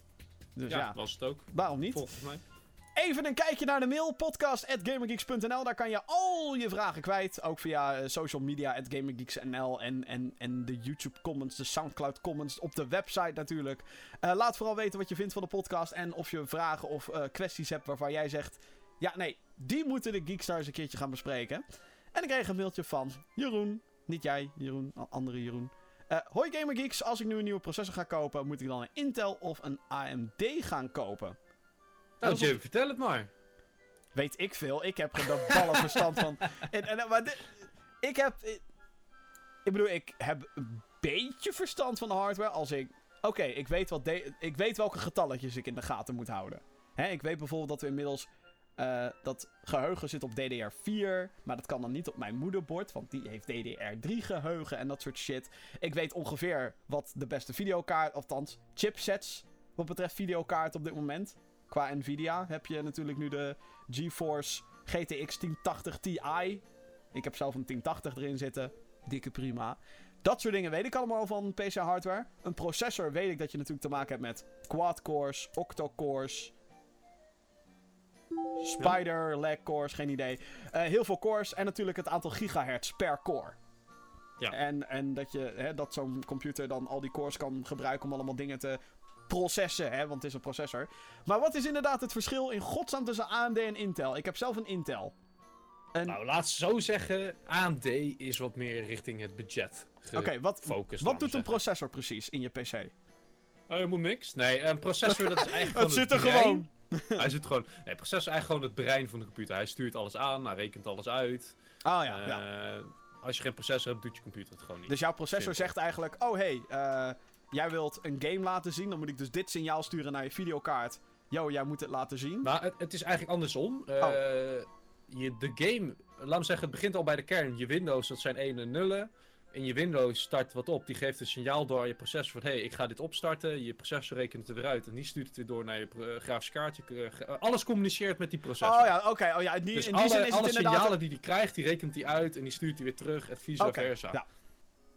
Om het even simpel te zeggen. Ja, precies. Ja, want als ze, als ze, want maar, dat vind ik uh, het, het meest magische van PC's. Dan heb ik zo'n videokaart heb ik dan in mijn handen. Dus van, oké, okay, zoals ik dit er nu indouw... dan ziet een game er ineens beter uit. Ik kan dat niet, zeg maar mijn mind kan dat niet. Ik Hij kan gewoon sneller uitrekenen. Ja. Iets nieuws kan niet sneller uitrekenen. Tenminste, als je ook echt daadwerkelijk iets koopt dat in de nieuwe generatie ook sneller is dan wat je oude had. Want je hebt nu ook de GTX 1030. Nou, geloof me, die is echt niet sneller dan mijn 980. Nee, precies. Nee. Dus je moet wel enigszins een verbetering hebben in de nieuwe productlijn. Maar die heeft gewoon meer resources om iets uit te rekenen. Of het sneller te doen, of meer mhm. tegelijk te doen. Waardoor je dus inderdaad hogere pixel rate kan krijgen. Pixel fill rate, hoe groter de resolutie mag zijn. En hoe sneller die zwaardere, intense bijvoorbeeld uh, shaders kan uitrekenen. Ja. Dus dat. Maar de vraag AMD of Intel. Uh, het mooie is, vroeger, uh, toen AMD nog op de FX-serie zat zou ik altijd Intel hebben gezworen. Waarom? Intel was gewoon krachtiger, betaalde wel wat meer, maar je was altijd stabiel. Bij AMD had je nog wel eens temperatuurproblemen, het draaide niet altijd lekker. Er zullen toch wel AMD-fans zijn die me nu het liefst de nek om zouden draaien. Maar op dit moment is AMD heel erg goed bezig. Voor concurrentiestrijd gewijze, laat maar zeggen. Want wat is nou het verschil tussen die twee? Wat, uh, ja, de ene is, goedkoop en de ander is knijt duur. Maar waarom? Waarom is Intel duurder? Is, heeft dat alleen maar met merk te maken? Nou, nee, dat is niet is waar. Is Intel de Gucci onder, onder de processors? Nee, nee, nee, dat is het niet. Uh, aan, uh, Intel heeft gewoon zijn eigen manier van creëren van een processor. Het, uh, de chip, hoe die ingedeeld is, wat voor technieken erin verwerkt zitten. En dat verbetert natuurlijk per jaar. Maar ze vragen op dit moment voor de, de, de professional grade kaart chips, zoals... Uh, nou, ik heb nu een 6800K, dus wat de lagere model van de professional grade. Maar hoe hoger je komt, de extreme chips, daar betaal je gewoon 1000 euro voor. Zo simpel. Damn. Nou, betaal jij maar voor één computeronderdeel 1000 euro, dan heb je toch al gauw van, hmm, ga ik dit doen? Nou, liever niet. Nou ja, videokaarten zijn, uh, ik heb 650 euro gestoken in mijn video. Het is nog steeds geen 1000 euro. Dat is waar, ja nee, het is toch 350 euro. Het is toch weer een Xbox One S. Hey. Precies, precies. En uh, eh, 1000 euro is niet de duurste. Je hebt nog veel duurdere kaartchips. En wat AMD nu aan het doen is, die is nu met een nieuwe generatie begonnen, de Ryzen CPU's. Daar, daar hoor schijnen, inderdaad veel over, ja. Ja, en die schijnen dus nu gewoon echt wel heel goed te zijn. Uh, eentje die dan nou, 200 euro goedkoper is, zoals nu de nieuwste uh, i7 7700K. Dus dat is een beetje de enthousiast slash uh, gamer versie van Intel. Mhm. Dus die kan je nu, nou, ik weet niet de precieze prijs omhoog, maar er zit ongeveer 200 euro verschil in. Die schijnt uh, eentje van, van AMD gewoon echt wel gelijk mee te liggen. Dus als je zegt van, ja, geldwijs, dus stel je voor, je hebt niet heel veel budget, zou ik zeggen, ga voor AMD. Ja. AMD heeft nu... Het is gewoon prima voor wat, ja, het, wat gewoon, doen. Ja, het is gewoon heel goed. Eigenlijk is... het dus een beetje um, de Lidl versus Albert Heijn. De Lidl heeft ik misschien denk dat het zelfs nog een beetje een soort van Albert Heijn To Go versus Albert Heijn XL is meer. Ah, Oké. Want de kwaliteit van de AMD Ryzen is gewoon best goed. Kijk, ik heb nog niet alles bijgehouden, maar normaal gesproken waren er altijd wel problemen. Want hey, je betaalt, of je krijgt waarvoor je betaalt. Dus kwaliteit in de, de koelpasta die onder de behuizing zit. eh, eh, hoe stabiel die draait, hoe hoog de temperaturen worden en dat soort dingen. Maar Ryzen heeft flink dat ze nu apparaten hebben die goedkoper zijn, maar wel gelijk draaien als een Intel-chip. Heeft Intel nu zo van, oh shit, we moeten onze prijs omlaag gooien of we moeten ook met iets komen wat echt super exact. is. Eigenlijk is het dus alleen maar goed dat AMD nu eh, flink bezig is om... Ja, eh, ik vind van wel. Dus altijd wel. trouwens. Concurrentie is altijd goed. Gaan we het zo meteen ook nog over hebben in het eh, gesprek van de dag. En als ik dan... Ik bedoel, AMD zie ik ook vaak met videokaarten. Dan is het vooral Ja. AMD versus Nvidia. Nou, ik, ik zeg altijd Nvidia daar. Oké. Wat het is, AMD is in dit geval daar echt alleen maar. Laten we zeggen, AMD is alleen maar echt degene die, die, die in dat geval op budget zit. Gewoon Mhm. budget. Oké. En ze zijn gewoon heel goedkoop. En op dat moment eh, zie ik dat onze stream eruit ligt. Ja, klopt. Maar hij is al aan het reconnecten. Komt goed. Oké, cool. Ehm, bij de AMD grafische kaart is, laat maar zeggen, ehm, echt wel gebaseerd op het middensegment en op het lage segment. Waar Ja. Nvidia op het extreem hoge segment zit. Mhm. Zijn we alweer terug? Geen idee, maar de podcast loopt gewoon nog. Dus oh, we kunnen gewoon lekker doorgaan met... eh, met Gewoon lekker doorlullen. Ja. Maar, dus die, die AMD-kaarten die nu ook gaan uitkomen, ze zijn nu bezig met eh, Vega-kaarten. En of dat nou een, een codenaam is voor wat het daadwerkelijk gaat worden. Want ze hadden op een paar moment als laatste de RX 480, als ik het goed zeg. En toen kwam de RX 580, maar dat was eigenlijk maar een rebranding van eenzelfde chip die iets sneller liep. Waardoor heel veel mensen hadden van ja, weet je, daar, heb ik geen, daar ga ik geen extra geld in, eh, in steken. En ehm laat zo zeggen, die, die, de Nvidia chips zijn wel heel duur, maar die zijn gewoon een stuk stabieler. Gewoon een stuk sneller. Oké. Het probleem wat je wel hebt, zijn een aantal games die zijn echt specifiek gefocust door AMD, laat maar zeggen. Dus eh, er zijn games die worden echt door AMD gesupport. Volgens mij was dat eh, Deus Ex Mankind Divided er een van. Mhm. En dan krijg je ook eh AMD Evolve logotje ervoor. En dan kan het best zijn dat je Nvidia kaart minder stabiel loopt op die game. Ah ja. Dus, Al heb maar- je een 1080, weet je. Ja, precies. Ja, dus dat nee, soort dingen, ook- daar moet je ook wel rekening mee houden. Maar het is natuurlijk niet echt goed voor de hele, laat ik het zo zeggen, de hele infrastructuur van PC-gaming. Als je dit soort merken hebt die dan exclusive opties gaan toevoegen. Nee, het is niet goed. maar ja, je, je, je, je, hebt er niks. Je, je kan er niks aan doen. Dat is waar. Ja, Want het is, het, is, het is geld verdienen, het is concurrentiestrijd. ja. Kijk, ze mogen er niet voor zorgen dat jij het helemaal niet kan spelen met een Nvidia of met een AMD. Maar ze kunnen het elkaar wel moeilijk maken. Want anders is En het een monopolie en dat mag ook niet. Maar kijk, ik ben zelf gewoon, ik heb een Intel en ik heb een Nvidia en daar ben ik gewoon tevreden mee en daar blijf ik bij. Al moet ik wel zeggen, stel je voor, ik zou nu een twe- tweede computer maken voor streamen. Dan zou ik misschien kijken naar wat goedkoop is. Inderdaad, bijvoorbeeld een AMD-chip. Ja, En dan een goedkope Nvidia grafische kaart. Bijvoorbeeld. duidelijk. Ja. Ik kreeg ook nog een mailtje eh, van Jorne. Praat eens over RuneScape nieuw stad die komt. Punt. Nee, Wat? ik heb geen idee. RuneScape. Praat eens over RuneScape nieuw stad die komt. Oké, daar komt een nieuwe stad in RuneScape. Ja, ik, ik, ik, Wij spelen ik- RuneScape, jongen. Die Nee, ik heb hard. voor het laatst... Ik ga zo meteen ook weer Minecraft opstarten. Man, man, man, man. Nee, maar ik heb de oldschool, mijn, eh, de oldschool RuneScape heb ik weer gespeeld. Echt waar? Ja. Speel je dat nog? Nou ja, heel even kort maar, eh, maar wanneer, wanneer, was, wanneer was voor het laatst dat je dat gespeeld had? Want ik, de, de enige keer wanneer ik Eh, dat twee, twee maanden, drie maanden terug of zo. was... Oh, oké. En, en is Ja. het nog wat? Ik vind het wel die charme hebben van vroeger. Ik heb het vroeger Oh, best daar hard gespeeld. Oh, god. En dan een beetje mijnen en vissen en vechten. Hartstikke lachen, joh. Kijk, ik zal het niet vast blijven houden. Maar het was op dat moment gewoon even die, die old school shit even herleven. Ja. Ja, Ja. oké. Maar ja, die nieuwe RuneScape, dus de nieuwe die ziet er beter uit en zo. Ja, die heb ik nooit, Ja. meer, eh, nooit meer aangeraakt. Ik vind het wel verbazingwekkend, en dat, dat wil ook wel wat zeggen. Het is wel heel knap dat die shit nog steeds aan is. En dat er ja, kennelijk dat dus... die originele servers ook nog drijven. Ja, en dat er kennelijk dus ook gewoon nog mensen zijn die, die genoeg caren. Dat het, dat het een. Dat, dat ze het blijven spelen. En, en Ja. Dat mensen dus vragen gaan stellen over een nieuwe stad. Oké, nou ja. Nou, Ik, ik, eh, weet er niks vanaf. Ik heb er helemaal niks mee. Moet ik heel eerlijk die nieuwe, die nieuwe, de, de nieuwe eh RuneScape is gewoon redelijk up-to-date nog steeds. Die wordt ook geüpdate. De oude niet meer natuurlijk. Of in ieder geval niet heel veel meer. Dus ja, dat daar nog mensen geïnteresseerd in zijn, ja, kan ik best begrijpen. Ja, ik niet. Ik doe het niet meer. Is het niet gewoon dat mensen al heel lang die game hebben zitten spelen en dat ze daarom eh zoiets hebben van. Ik, ik moet blijven. zou kunnen. Wat is nu ook gewoon Ik met, eh, met eh, dat andere spelletje? Hero of the Storm! No way dat ik terug ga naar fucking League of Legends nadat ik weet niet Nee. hoeveel. Never, never teruggaan. Nee, echt, die game. Het grappige is, mensen die zeggen, ja, Hero Storm is echt bullshit. En dan denk ik van, je bent echt achterlijk. nee, maar even serieus. Je loopt continu op dezelfde map. Continu. Ik heb zo zin Continu om... dat Summoner's Rift of zo. Ja, hartstikke leuk voor een uur of eh, een week. Maar daarna is het gewoon klaar. Ik heb zoveel zin om zo meteen weer even Heroes of the Storm te spelen. Dat gaan we ook doen. Maar, eerst het gesprek van de dag. Dit vind ik een hele, he- hele interessante kwestie. Eh, Destiny Oh, ja. 2 heeft eh, van de week een livestream gekregen. Waarin ehm, nou, ja, de gameplay werd onthuld en eh, details onthuld, nieuwe klassen.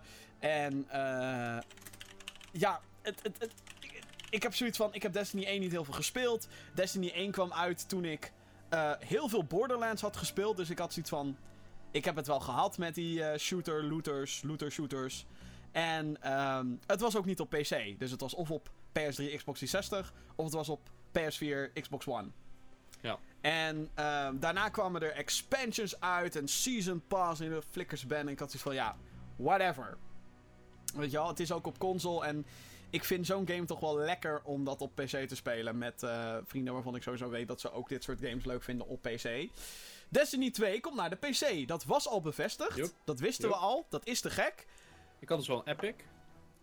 Maar bij die livestream is ook naar buiten gekomen dat Blizzard Entertainment gaat die game publiceren op de PC. Ja. Waarschijnlijk Ik ook mee. Echt even dubbel nadenken hoor, toen je Ja. dat zei tegen mij. Ik was zo, hè, waarom Ja. Blizzard? En dat betekent dus dat eh, Destiny 2 op Battle.net gaat komen. Op het netwerk van Blizzard. Ehm, ze, willen het, ze zijn nu ook soort van bezig om Battle.net te rebranden naar... Hè, de Battle.net app heet nu de Blizzard app.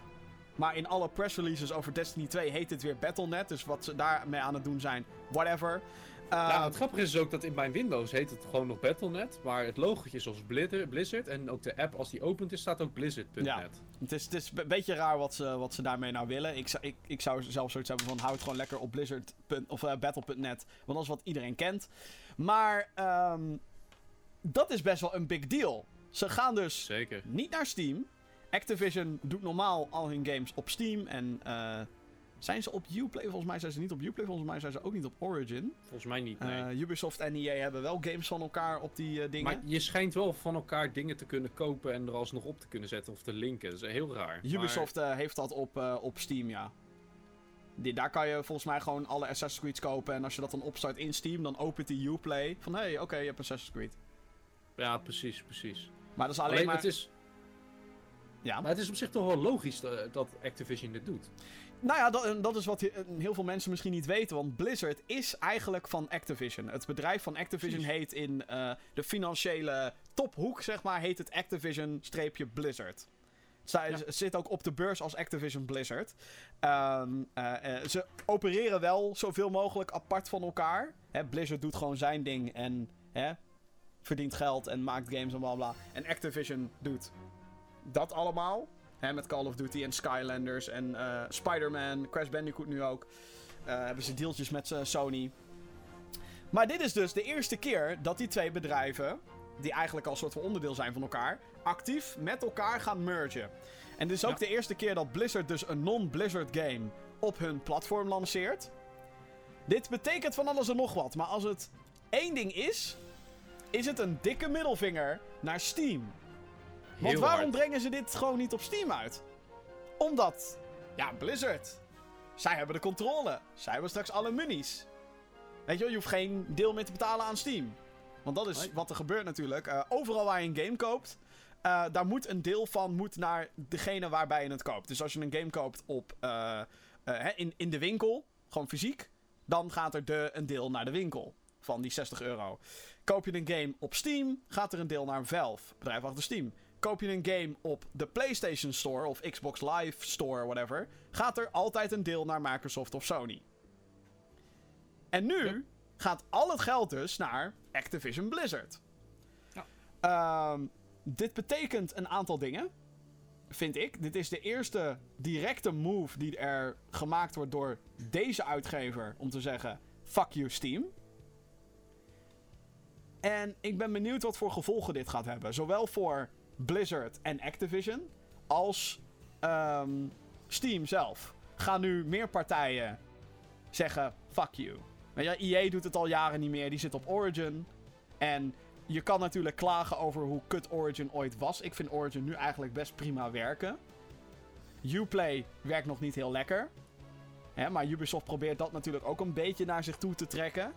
Wat betekent dit straks? Eh, hebben we straks in plaats van een rij aan games op onze desktop, alleen maar een rij aan clients? Bethesda doet hetzelfde trouwens. Quake Champions.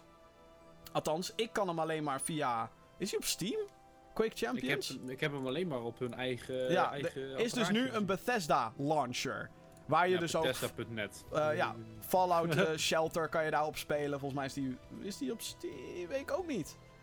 Maar ik zie het dus wel gebeuren dat ze in de toekomst.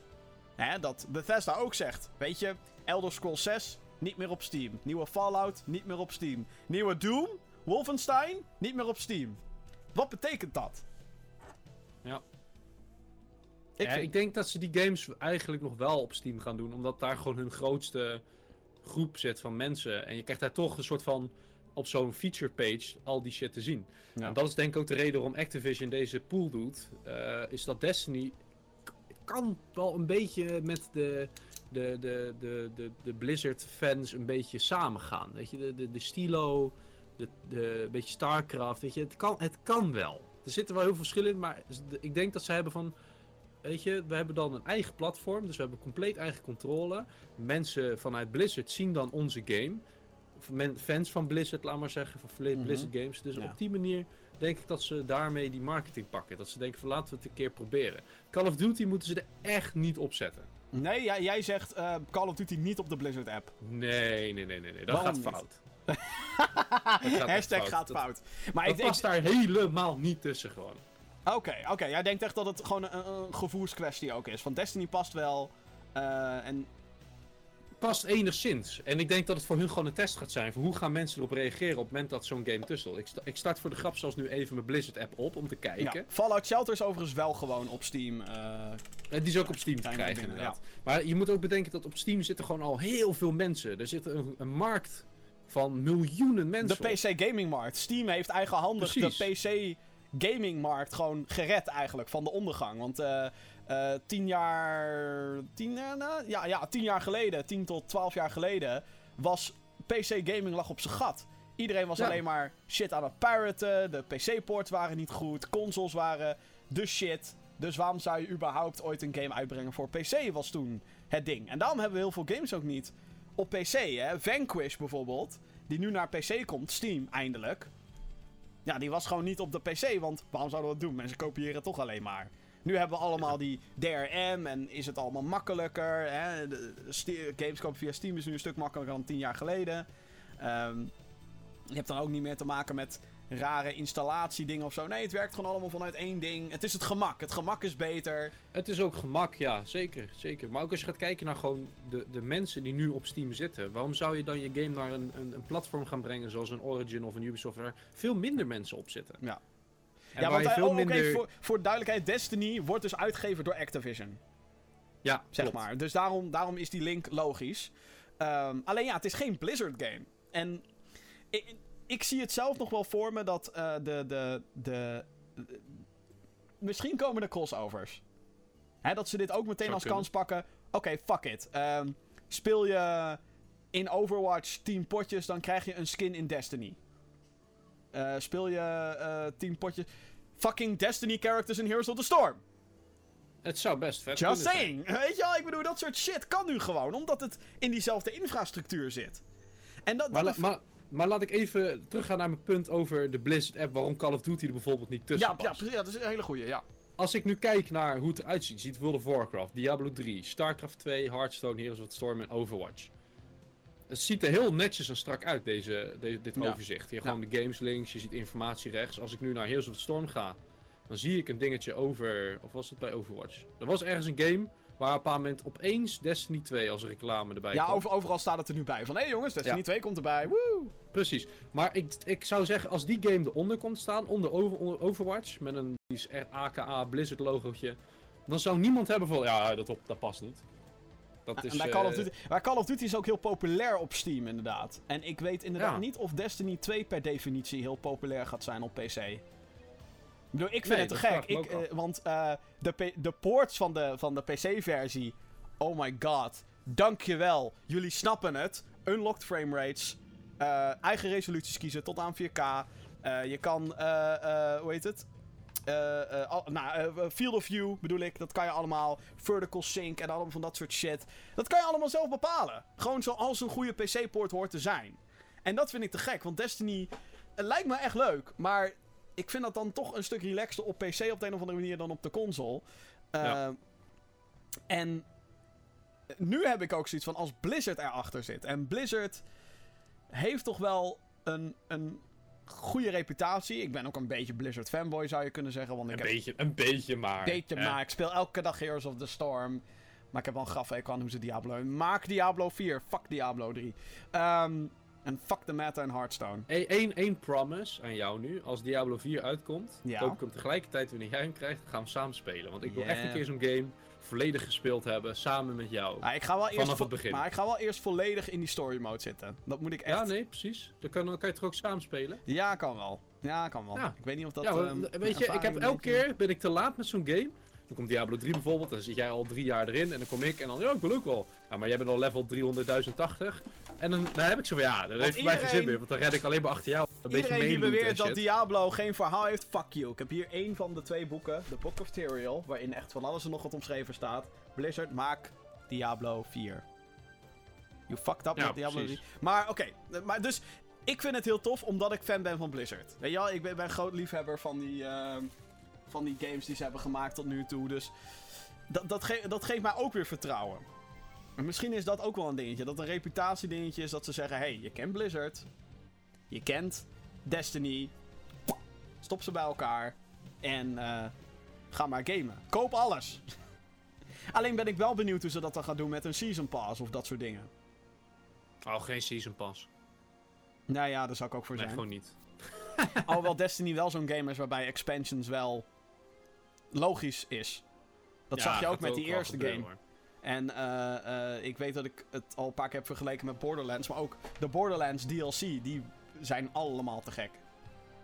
Dus ja, we gaan het zien. 8 september. Ja. Oh ja, maar dat is wel kut. 8 september komt eh, Destiny 2 uit. Voor de PS4 en Xbox One. Wanneer de PC-versie uitkomt, is nog niet bekend. Waarschijnlijk moeten wij, moeten, moeten wij weer een paar maanden wachten op de PC-poort. Och, we wachten het wel weer gewoon af. Hè? Ja, ik, eh, ik, ik, ga de PC-versie spelen. Fuck jullie. Sowieso. Ik ga, ik ga niet speciaal een PlayStation. Nou, dat zou, ik- heb ik wel gedaan voor Zelda. Dus op zich. maar Maar bij jou, Nee, jeukt, maar- bij jou jeukt een PlayStation heel erg, hè? eh, ja, voor Final Fantasy 7 de remake. Voor nou ja, Horizon Zero Dawn vind ik ook nog steeds wel leuk. Voor. ehm, wat was het nou? Detroit, Become Human. Mm, ja. Dus er zijn gewoon genoeg War. games die op uit gaan komen. en denk van ja, dat wil ik wel. Spider-Man! Spider-Man, zeker, zeker. Dus ik heb zo'n, eh, ja, Zelda die wilde ik sowieso heel graag spelen. En ik wist, op Nintendo komen altijd games uit waar ik van geniet. Zoals een Ja. Donkey Kong, dat soort dingen. Dus ik dacht zo, weet je wat, jammer dat er nog geen games zijn, maar dat komt goed. Nog even En één. PlayStation heb je dat ook. Nog even, even terug naar het onderwerp, heel kort. Ja. Eh, is het goed dat er meer concurrentie komt tegenover Steam? Of heb jij zoiets van, jongens, pleur alles gewoon op Steam, dan zijn we er allemaal vanaf en dan kopen we daar gewoon alles. Eh, voor ons is het wat minder handig. Dat we al die verschillende Origin, U- Uplay, dit, dat, zus, zo. Het wordt een beetje verzadigd op dat moment. En ook vooral omdat je natuurlijk voor alles een apart account moet hebben. Ja, precies. Ik denk dat een paar met mensen daar een beetje eh, moe van worden. Maar aan de andere kant, zeker met, met prijzenconcurrentie, weet je hoeveel, hoeveel eh, neemt eh, Valve in beslag van een verkoop? Wat zijn de eisen van Valve? Ik denk dat dat het wel weer voor zorgt dat het op Steam strakker en beter gaat worden. ik, eh, ik, ik hoop dat ze eh, op die manier betere content pushen. Want Steam is toch Ja. wel echt. het is al een soort dumpplek voor alles wat een game moet voorstellen. En dat is een, een probleem waar Steam al jaren mee kampt eigenlijk. Van ja, iedereen pleurt er maar shit op. En ehm, daardoor gebeurt het best wel vaak dat games die zo goed zijn... Dan heb ik het vooral over indie games. Destiny 2 behoort daar natuurlijk helemaal niet toe. Maar ehm, eh, er zijn af en toe gewoon indie games die te gek zijn en echt alle lof verdienen. Maar die komen dan net niet in zo'n lijstje terecht met popular new releases. Dan valt het net niet op. En dan hebben ze ook net niet het geld om op de frontpage te komen. Want alles wat je ziet op die frontpage, mensen.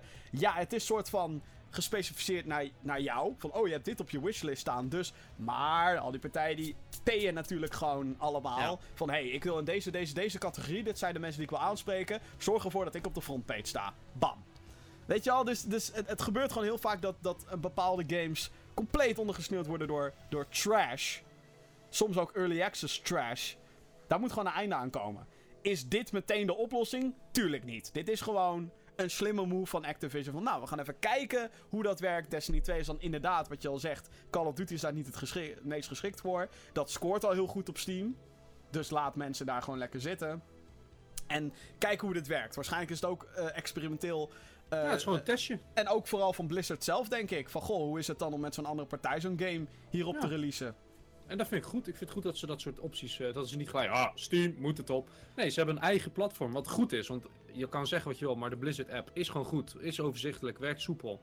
Tuurlijk, het heeft altijd wel zijn verbeterpuntjes. Ik vind de shop nogal karig, maar Ja, dat is een beetje in, eh, in Johan eh termen. karig. Ja, Maar een beetje je, generiek. het, het werkt wel. En, Ja. daarom heb ik zo van, het is goed dat ze hun eigen platform gaan uitbreiden Zou dit- met zoiets. Zou dit niet eh, een, een, een best wel grote test zijn om te kijken of Blizzard uiteindelijk ehm, andere ontwikkelaars de kans geeft om aan hun games te werken? Dat ze bijvoorbeeld zeggen: Yo, deze studio, maak maar een remake van Warcraft 3. Deze studio, weet je wat, gaan jullie een nieuwe Lost Vikings maken? Maar ik denk dat je het al heel goed zegt. Games zoals een eh, remaster, ja. Nieuwe IP's, nee. Ja. Ik denk dat dat het echt ga, achter gaat zijn. Dus dat ze wel zeggen van, hey, eh, dit is leuk. Weet je, leuk dat jullie remaster willen doen. Dat moet wel perfect zijn, maar dat is gewoon, daar liggen de bouwstenen van. Ik denk, stel je voor, er zou een eh, Overwatch zou opnieuw gemaakt moeten worden, dan hadden ze dat wel bij zichzelf gehouden. Ja. En eh, je zou, ja, een, een Los Vikings zou misschien kunnen. Die kan je, maar dat is zeg maar zo'n ding, dat kan je makkelijk aan een andere studio geven. Ja, Al, al, ja. al alleen wel waar Blizzard er echt als een balletje Ja. op zit, laten we Dat is natuurlijk in het verleden ook vaker fout gegaan. Eh, er is eh, zo'n Ja. game dat heet eh, StarCraft Ghost. Dat werd ook ontwikkeld door allerlei andere studio's. Dat werd een third-person game Oh, met ja. Nova in de hoofdrol. Daar komt Nova vandaan. Een best wel bekend StarCraft-personage is uiteindelijk wel in StarCraft 2 terechtgekomen. Maar en daarin speelde je dus als zo'n ghost sniper chick. En jaren in ontwikkeling geweest. Weet ik op hoeveel beurzen is dat getoond. En uiteindelijk nergens terechtgekomen. Eh, gewoon gecanceld op den duur, omdat Blizzard toch net niet tevreden was. Ehm, dus ja, dat moet het allemaal maar Ja, afwachten. Blizzard is een eh, tough, eh, tough guy. Ja, nee, ze willen het gewoon goed hebben. En ja, I cannot blame them. En ik ben heel benieuwd. Het, het geeft ook wel heel veel... Het schept ook heel veel vertrouwen voor Destiny 2, vind ik. Want als Blizzard zegt, ja, hoor, kom er maar bij. Het kan natuurlijk zijn dat ze daarin overruled zijn door investeerders en zo. Maar ik had zoiets van, ik, ik heb er zin in. Nu helemaal. Ja, ik had ik al zin zeker, in de ja. PC-poort, maar nu eh, nog erger. Oké, ehm, ja, dan gaan we naar een ander onderdeel. En dat is... De Hall of Fame.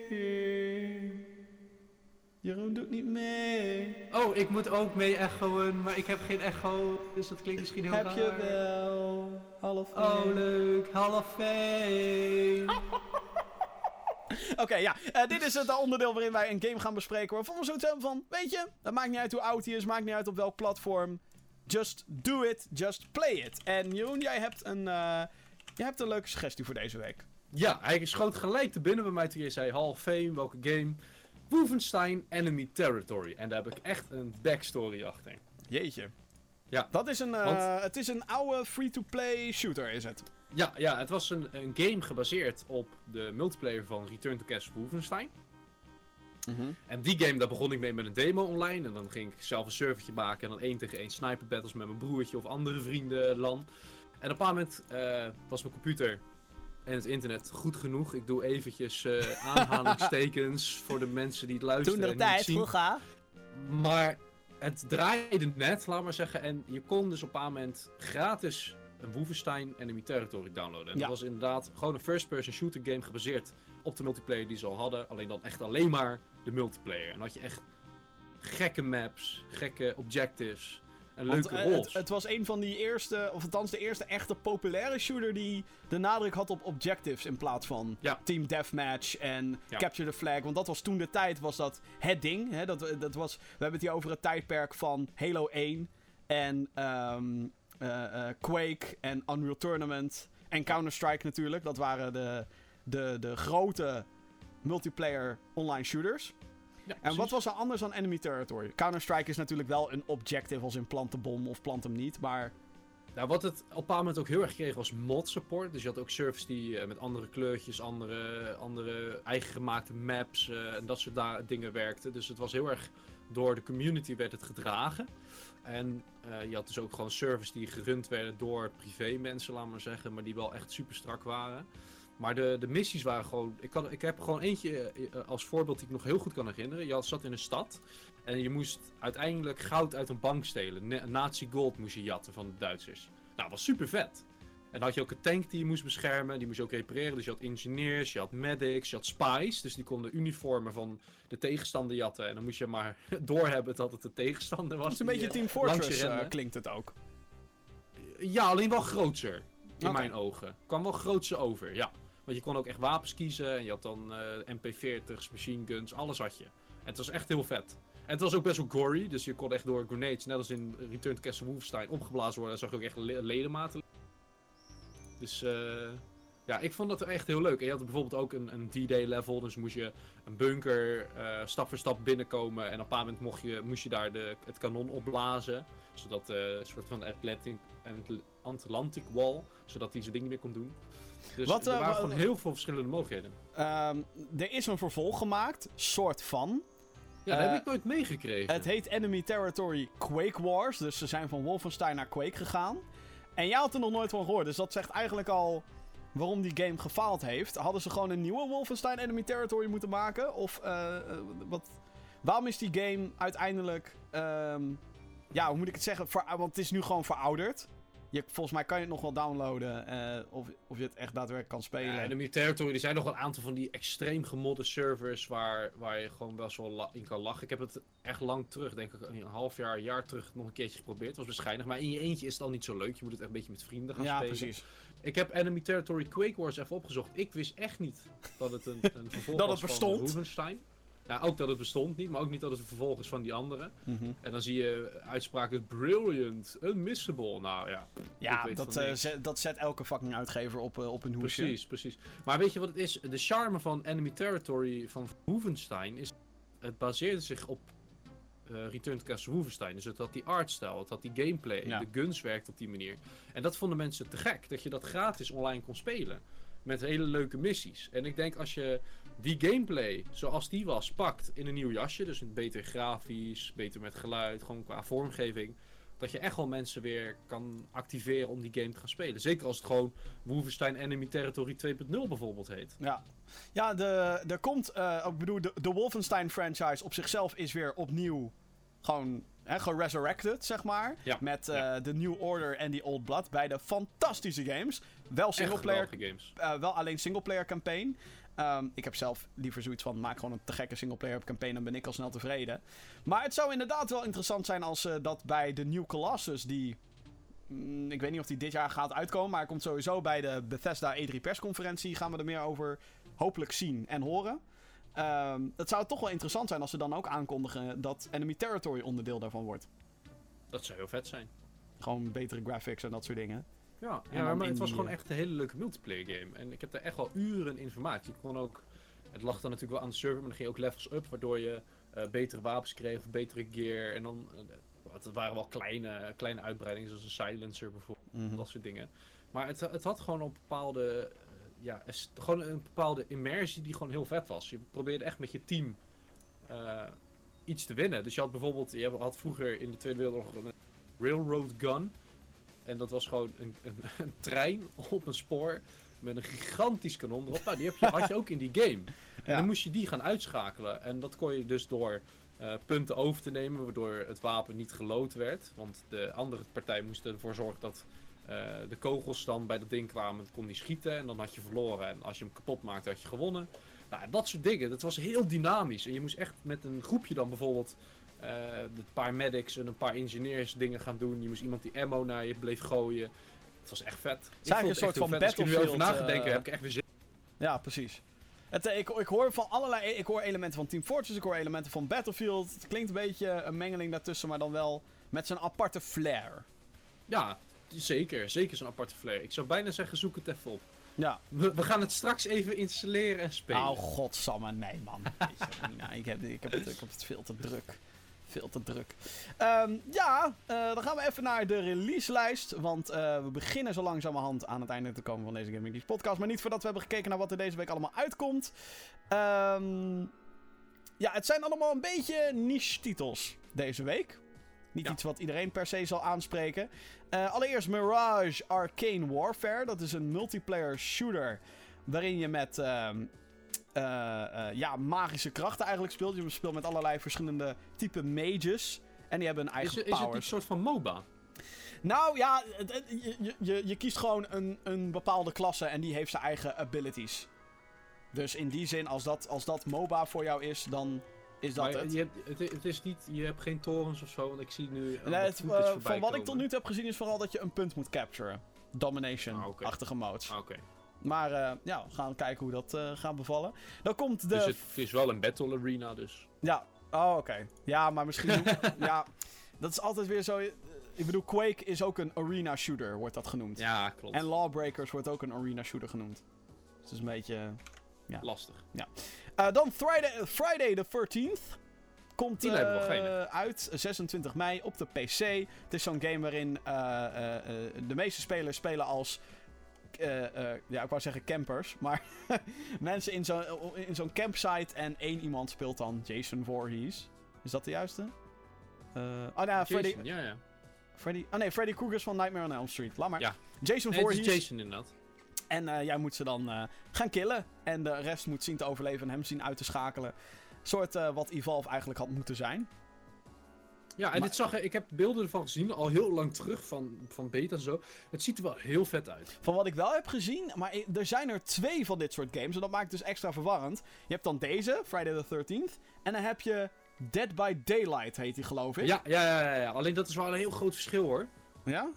Ja, want Dead by Daylight is echt een soort van, je zit in een, een soort van donkere realm of zoiets. En dan, als je Oh. doodgaat, word je ook een soort van naar de hel of hemel gesleept of zo. Echt heel, heel spiritueel allemaal, heel erg Oh, spooky. oké.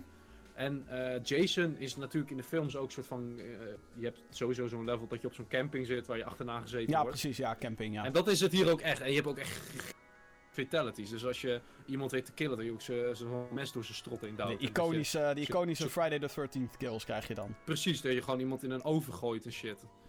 Dat Ja. soort vette, vette shit. Dan ook op 26 mei voor de Nintendo Switch. Let op, Street Fighter 2 The Final Challengers. Hadouken! Dat is wel vet hoor. Ga jij, ga jij hem halen, denk je? Ligt aan de prijs.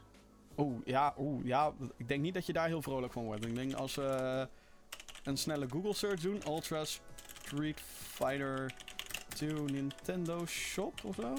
Kunnen we hem al vinden? Ik had het eigenlijk even van tevoren op moeten zoeken. Eh... Oeh, hij schijnt een downloadgrootte van 40 40 te hebben. 40 dollar. Dus dat vertaalt naar 40 euro. Dat, Wat? Dat is echt fucking te veel geld. Dat is echt veel te veel geld voor Maar je krijgt, er game. wel, je krijgt wel twee nieuwe characters. Namelijk Evil Ryu en Violent Ken. Ja, nee, oké, dat is echt bullshit. Dat is echt bullshit. Was die 20, was die 20 geweest? 20 of had ik hem al- 15? Dan had ik gezegd, ja, 40, is goed. Maar 40 is wel echt te duur. 40, dat kunnen ze echt in hun reet schuiven. Want het, echt want, serieus. want het is volgens mij gewoon een port van die HD eh, Street Fighter 2 Turbo HD Remix of zo. Die op de Xbox nog, eh, Xbox 360 nog is gelanceerd. Nou, ik weet niet de fijne details ervan, maar het ziet er wel zo uit, ja. Hij draait Ja. dan wel 60 fps en dat soort shit. En hartstikke leuk, maar 40 euro. Kom op. 40 euro is wel echt te veel. Dat is echt een dealbreaker. Fuck! Waarom? Waarom zo duur? Waarom zo greedy? Ja, weet je, ik begrijp dat ze de tijd in hebben gestoken om het op de Switch openbaar te krijgen. Maar het is een game uit. Wanneer kwam Street Fighter 2 uit? Nou, Street Fighter, ja, Street Fighter 2 zelf kwam uit in ehm 92? Mijn hoofd? Nou, precies. Dus, en daar is eigenlijk weinig aan veranderd. Behalve dat die. Nou, er zijn wel characters is bij gemaakt. gekomen. Hij is veel mooier. De soundtrack geremasterd en dat. Ja, dat is allemaal prima. Maar, maar 40 Het is euro? nog steeds een game uit 92, Jim. Ja, oké. Nog steeds nou, een game uit 92. 91 zelfs. 91, oké. Is mijn fucking geboortejaar, ja? Dan betaal ik er nog 40 euro voor. Ik heb- tuurlijk, hij is verbeterd, tuurlijk. ik heb de maar OG's. 40 euro! Ik heb de OG Street Fighter 2 nog liggen voor de Super Nintendo. Nou, gaan we die wel spelen. Ja, ik denk Oh, dat zou erg zijn. Dan krijg je dus straks Virtual Console en dan kan je voor een tientje die game kopen. Street Fighter 2. Ja, maar ik denk wel dat dit de ultimate versie is. Nogmaals, ik, ik probeer... Het is een beetje devil's advocate dit, maar... Hè, ik denk wel dat het een hele toffe versie is, maar om dan deze prijs er inderdaad voor te gaan vragen... Is extreem hoor. is echt extreem. Echt bullshit. Echt bullshit. Zonde. Fuck. Ja. mm. Goed, eh, dan komt uit Rhyme. Dat is een game die al een hele tijd in ontwikkeling is geweest door een Spaanse ontwikkelaar. Eh, kwam eerst bij Microsoft, toen liet Microsoft het gaan. Toen, toen tekende ze een contract met Sony. Die heeft toen hun eh, devkits afgepakt en gezegd: jongens, eh, hier heb je fucking license. eh, kap daar alsjeblieft mee. Maar nu komt hij dus uiteindelijk uit. Het ziet er best wel leuk uit. Het ziet eruit als een soort. eh, ehm, 3D-platformer met een Wind Waker-achtige artstyle. Komt uit voor de PC, PlayStation 4, Xbox One en de Nintendo Switch. 26 mei ook. Het is wel zo'n game Ja, die denk ik Johan echt eh, te gek gaat vinden. Het ziet er wel heel leuk uit, maar op dit moment spreekt het me nog niet aan. En dan is er een game genaamd Get Even voor de PC, PlayStation 4, Xbox One, ook op 26 mei. Eh, ik weet niet echt wat ik hiervan moet maken. Het ziet eruit als een soort horror thriller game. Achtig iets. Met Ja. eh, real life, live action actors tussendoor. Want dat is misschien alleen de trailer die ik heb gezien. Maar dat, is ook iets waar. Johan zich eh, heel erg op verheugde. Oh, wacht. Ik heb hier wel wat van gezien. Het zag er wel heel vet uit. Ja, hè? Ik ga toch weer Ja. even googlen, toch? Even. Ja, nee, maar het zag er wel heel vet uit. Get Even. Get Even game. Oh, ook op Steam. Een, En deze eh, is 30 mobiel euro. kun je dingen scannen. Oh nee, het, ziet, oh, het Oh, is een dat- fucking first-person shooter, jongens. Ja, alleen wel een beetje... eh, een Wel beetje, horror. Een beetje spooky. Nou, horror wil ik het noemen. Een beetje thriller, denk ik. Thriller. Oh ja. Oh, dit ziet er vet uit. Holy shit. Dit wordt misschien wel eentje die ik gewoon voor mezelf ga, even ga aanschaffen. Damn. Maar 30 euro, hier. 30 euro. 30 euro. En dan 40 euro voor een Street Fighter uit 91. Kom op, Capcom. Kom op, man. Kom op, je kan beter. Come on. Get him out of here. Get the fuck out of Eh, Wat? Tot zover deze aflevering van de Gamer Geeks podcast. Jeroen, ik vond het heel leuk dat je erbij was de- deze week. Ja, ik vond het ook gezellig. En eh, nou, volgende week zijn we er natuurlijk gewoon weer. Eh, en in de tussentijd zijn we druk bezig met video's maken. En nog meer content op gaminggeeks.nl. Jeroen, waar ben jij allemaal mee bezig? Eh, Mario Kart, eh, een review van de Elgato Capture Card die ik dus heb gekocht. Oh, nice. En het bouwen van een computer. Oh, je bent weer...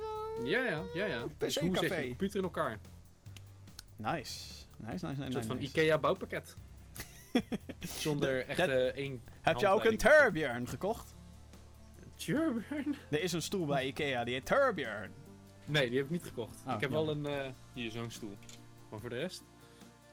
Verder worden we niet eh, gesponsord of zo. gamingstoel. Verder worden we niet gesponsord of zo. Worden we Nee, niet. deze heb ik zelf moeten kopen. Verdomme. Dus eh, DX Racer, als je, hè, als je het ziet. Ja, als je zin hebt om iets leuks te doen, hè? Bel ons even. dat is, eh, is leuk. Eh, ik ben eh, nog steeds bezig met eh, weet ik hoeveel reviews. Eh, ik, ben er, ik heb eindelijk mijn Last Guardian review af. Zet je schrap, dames en heren. Het wordt Yep. geen lieve review. Het spel.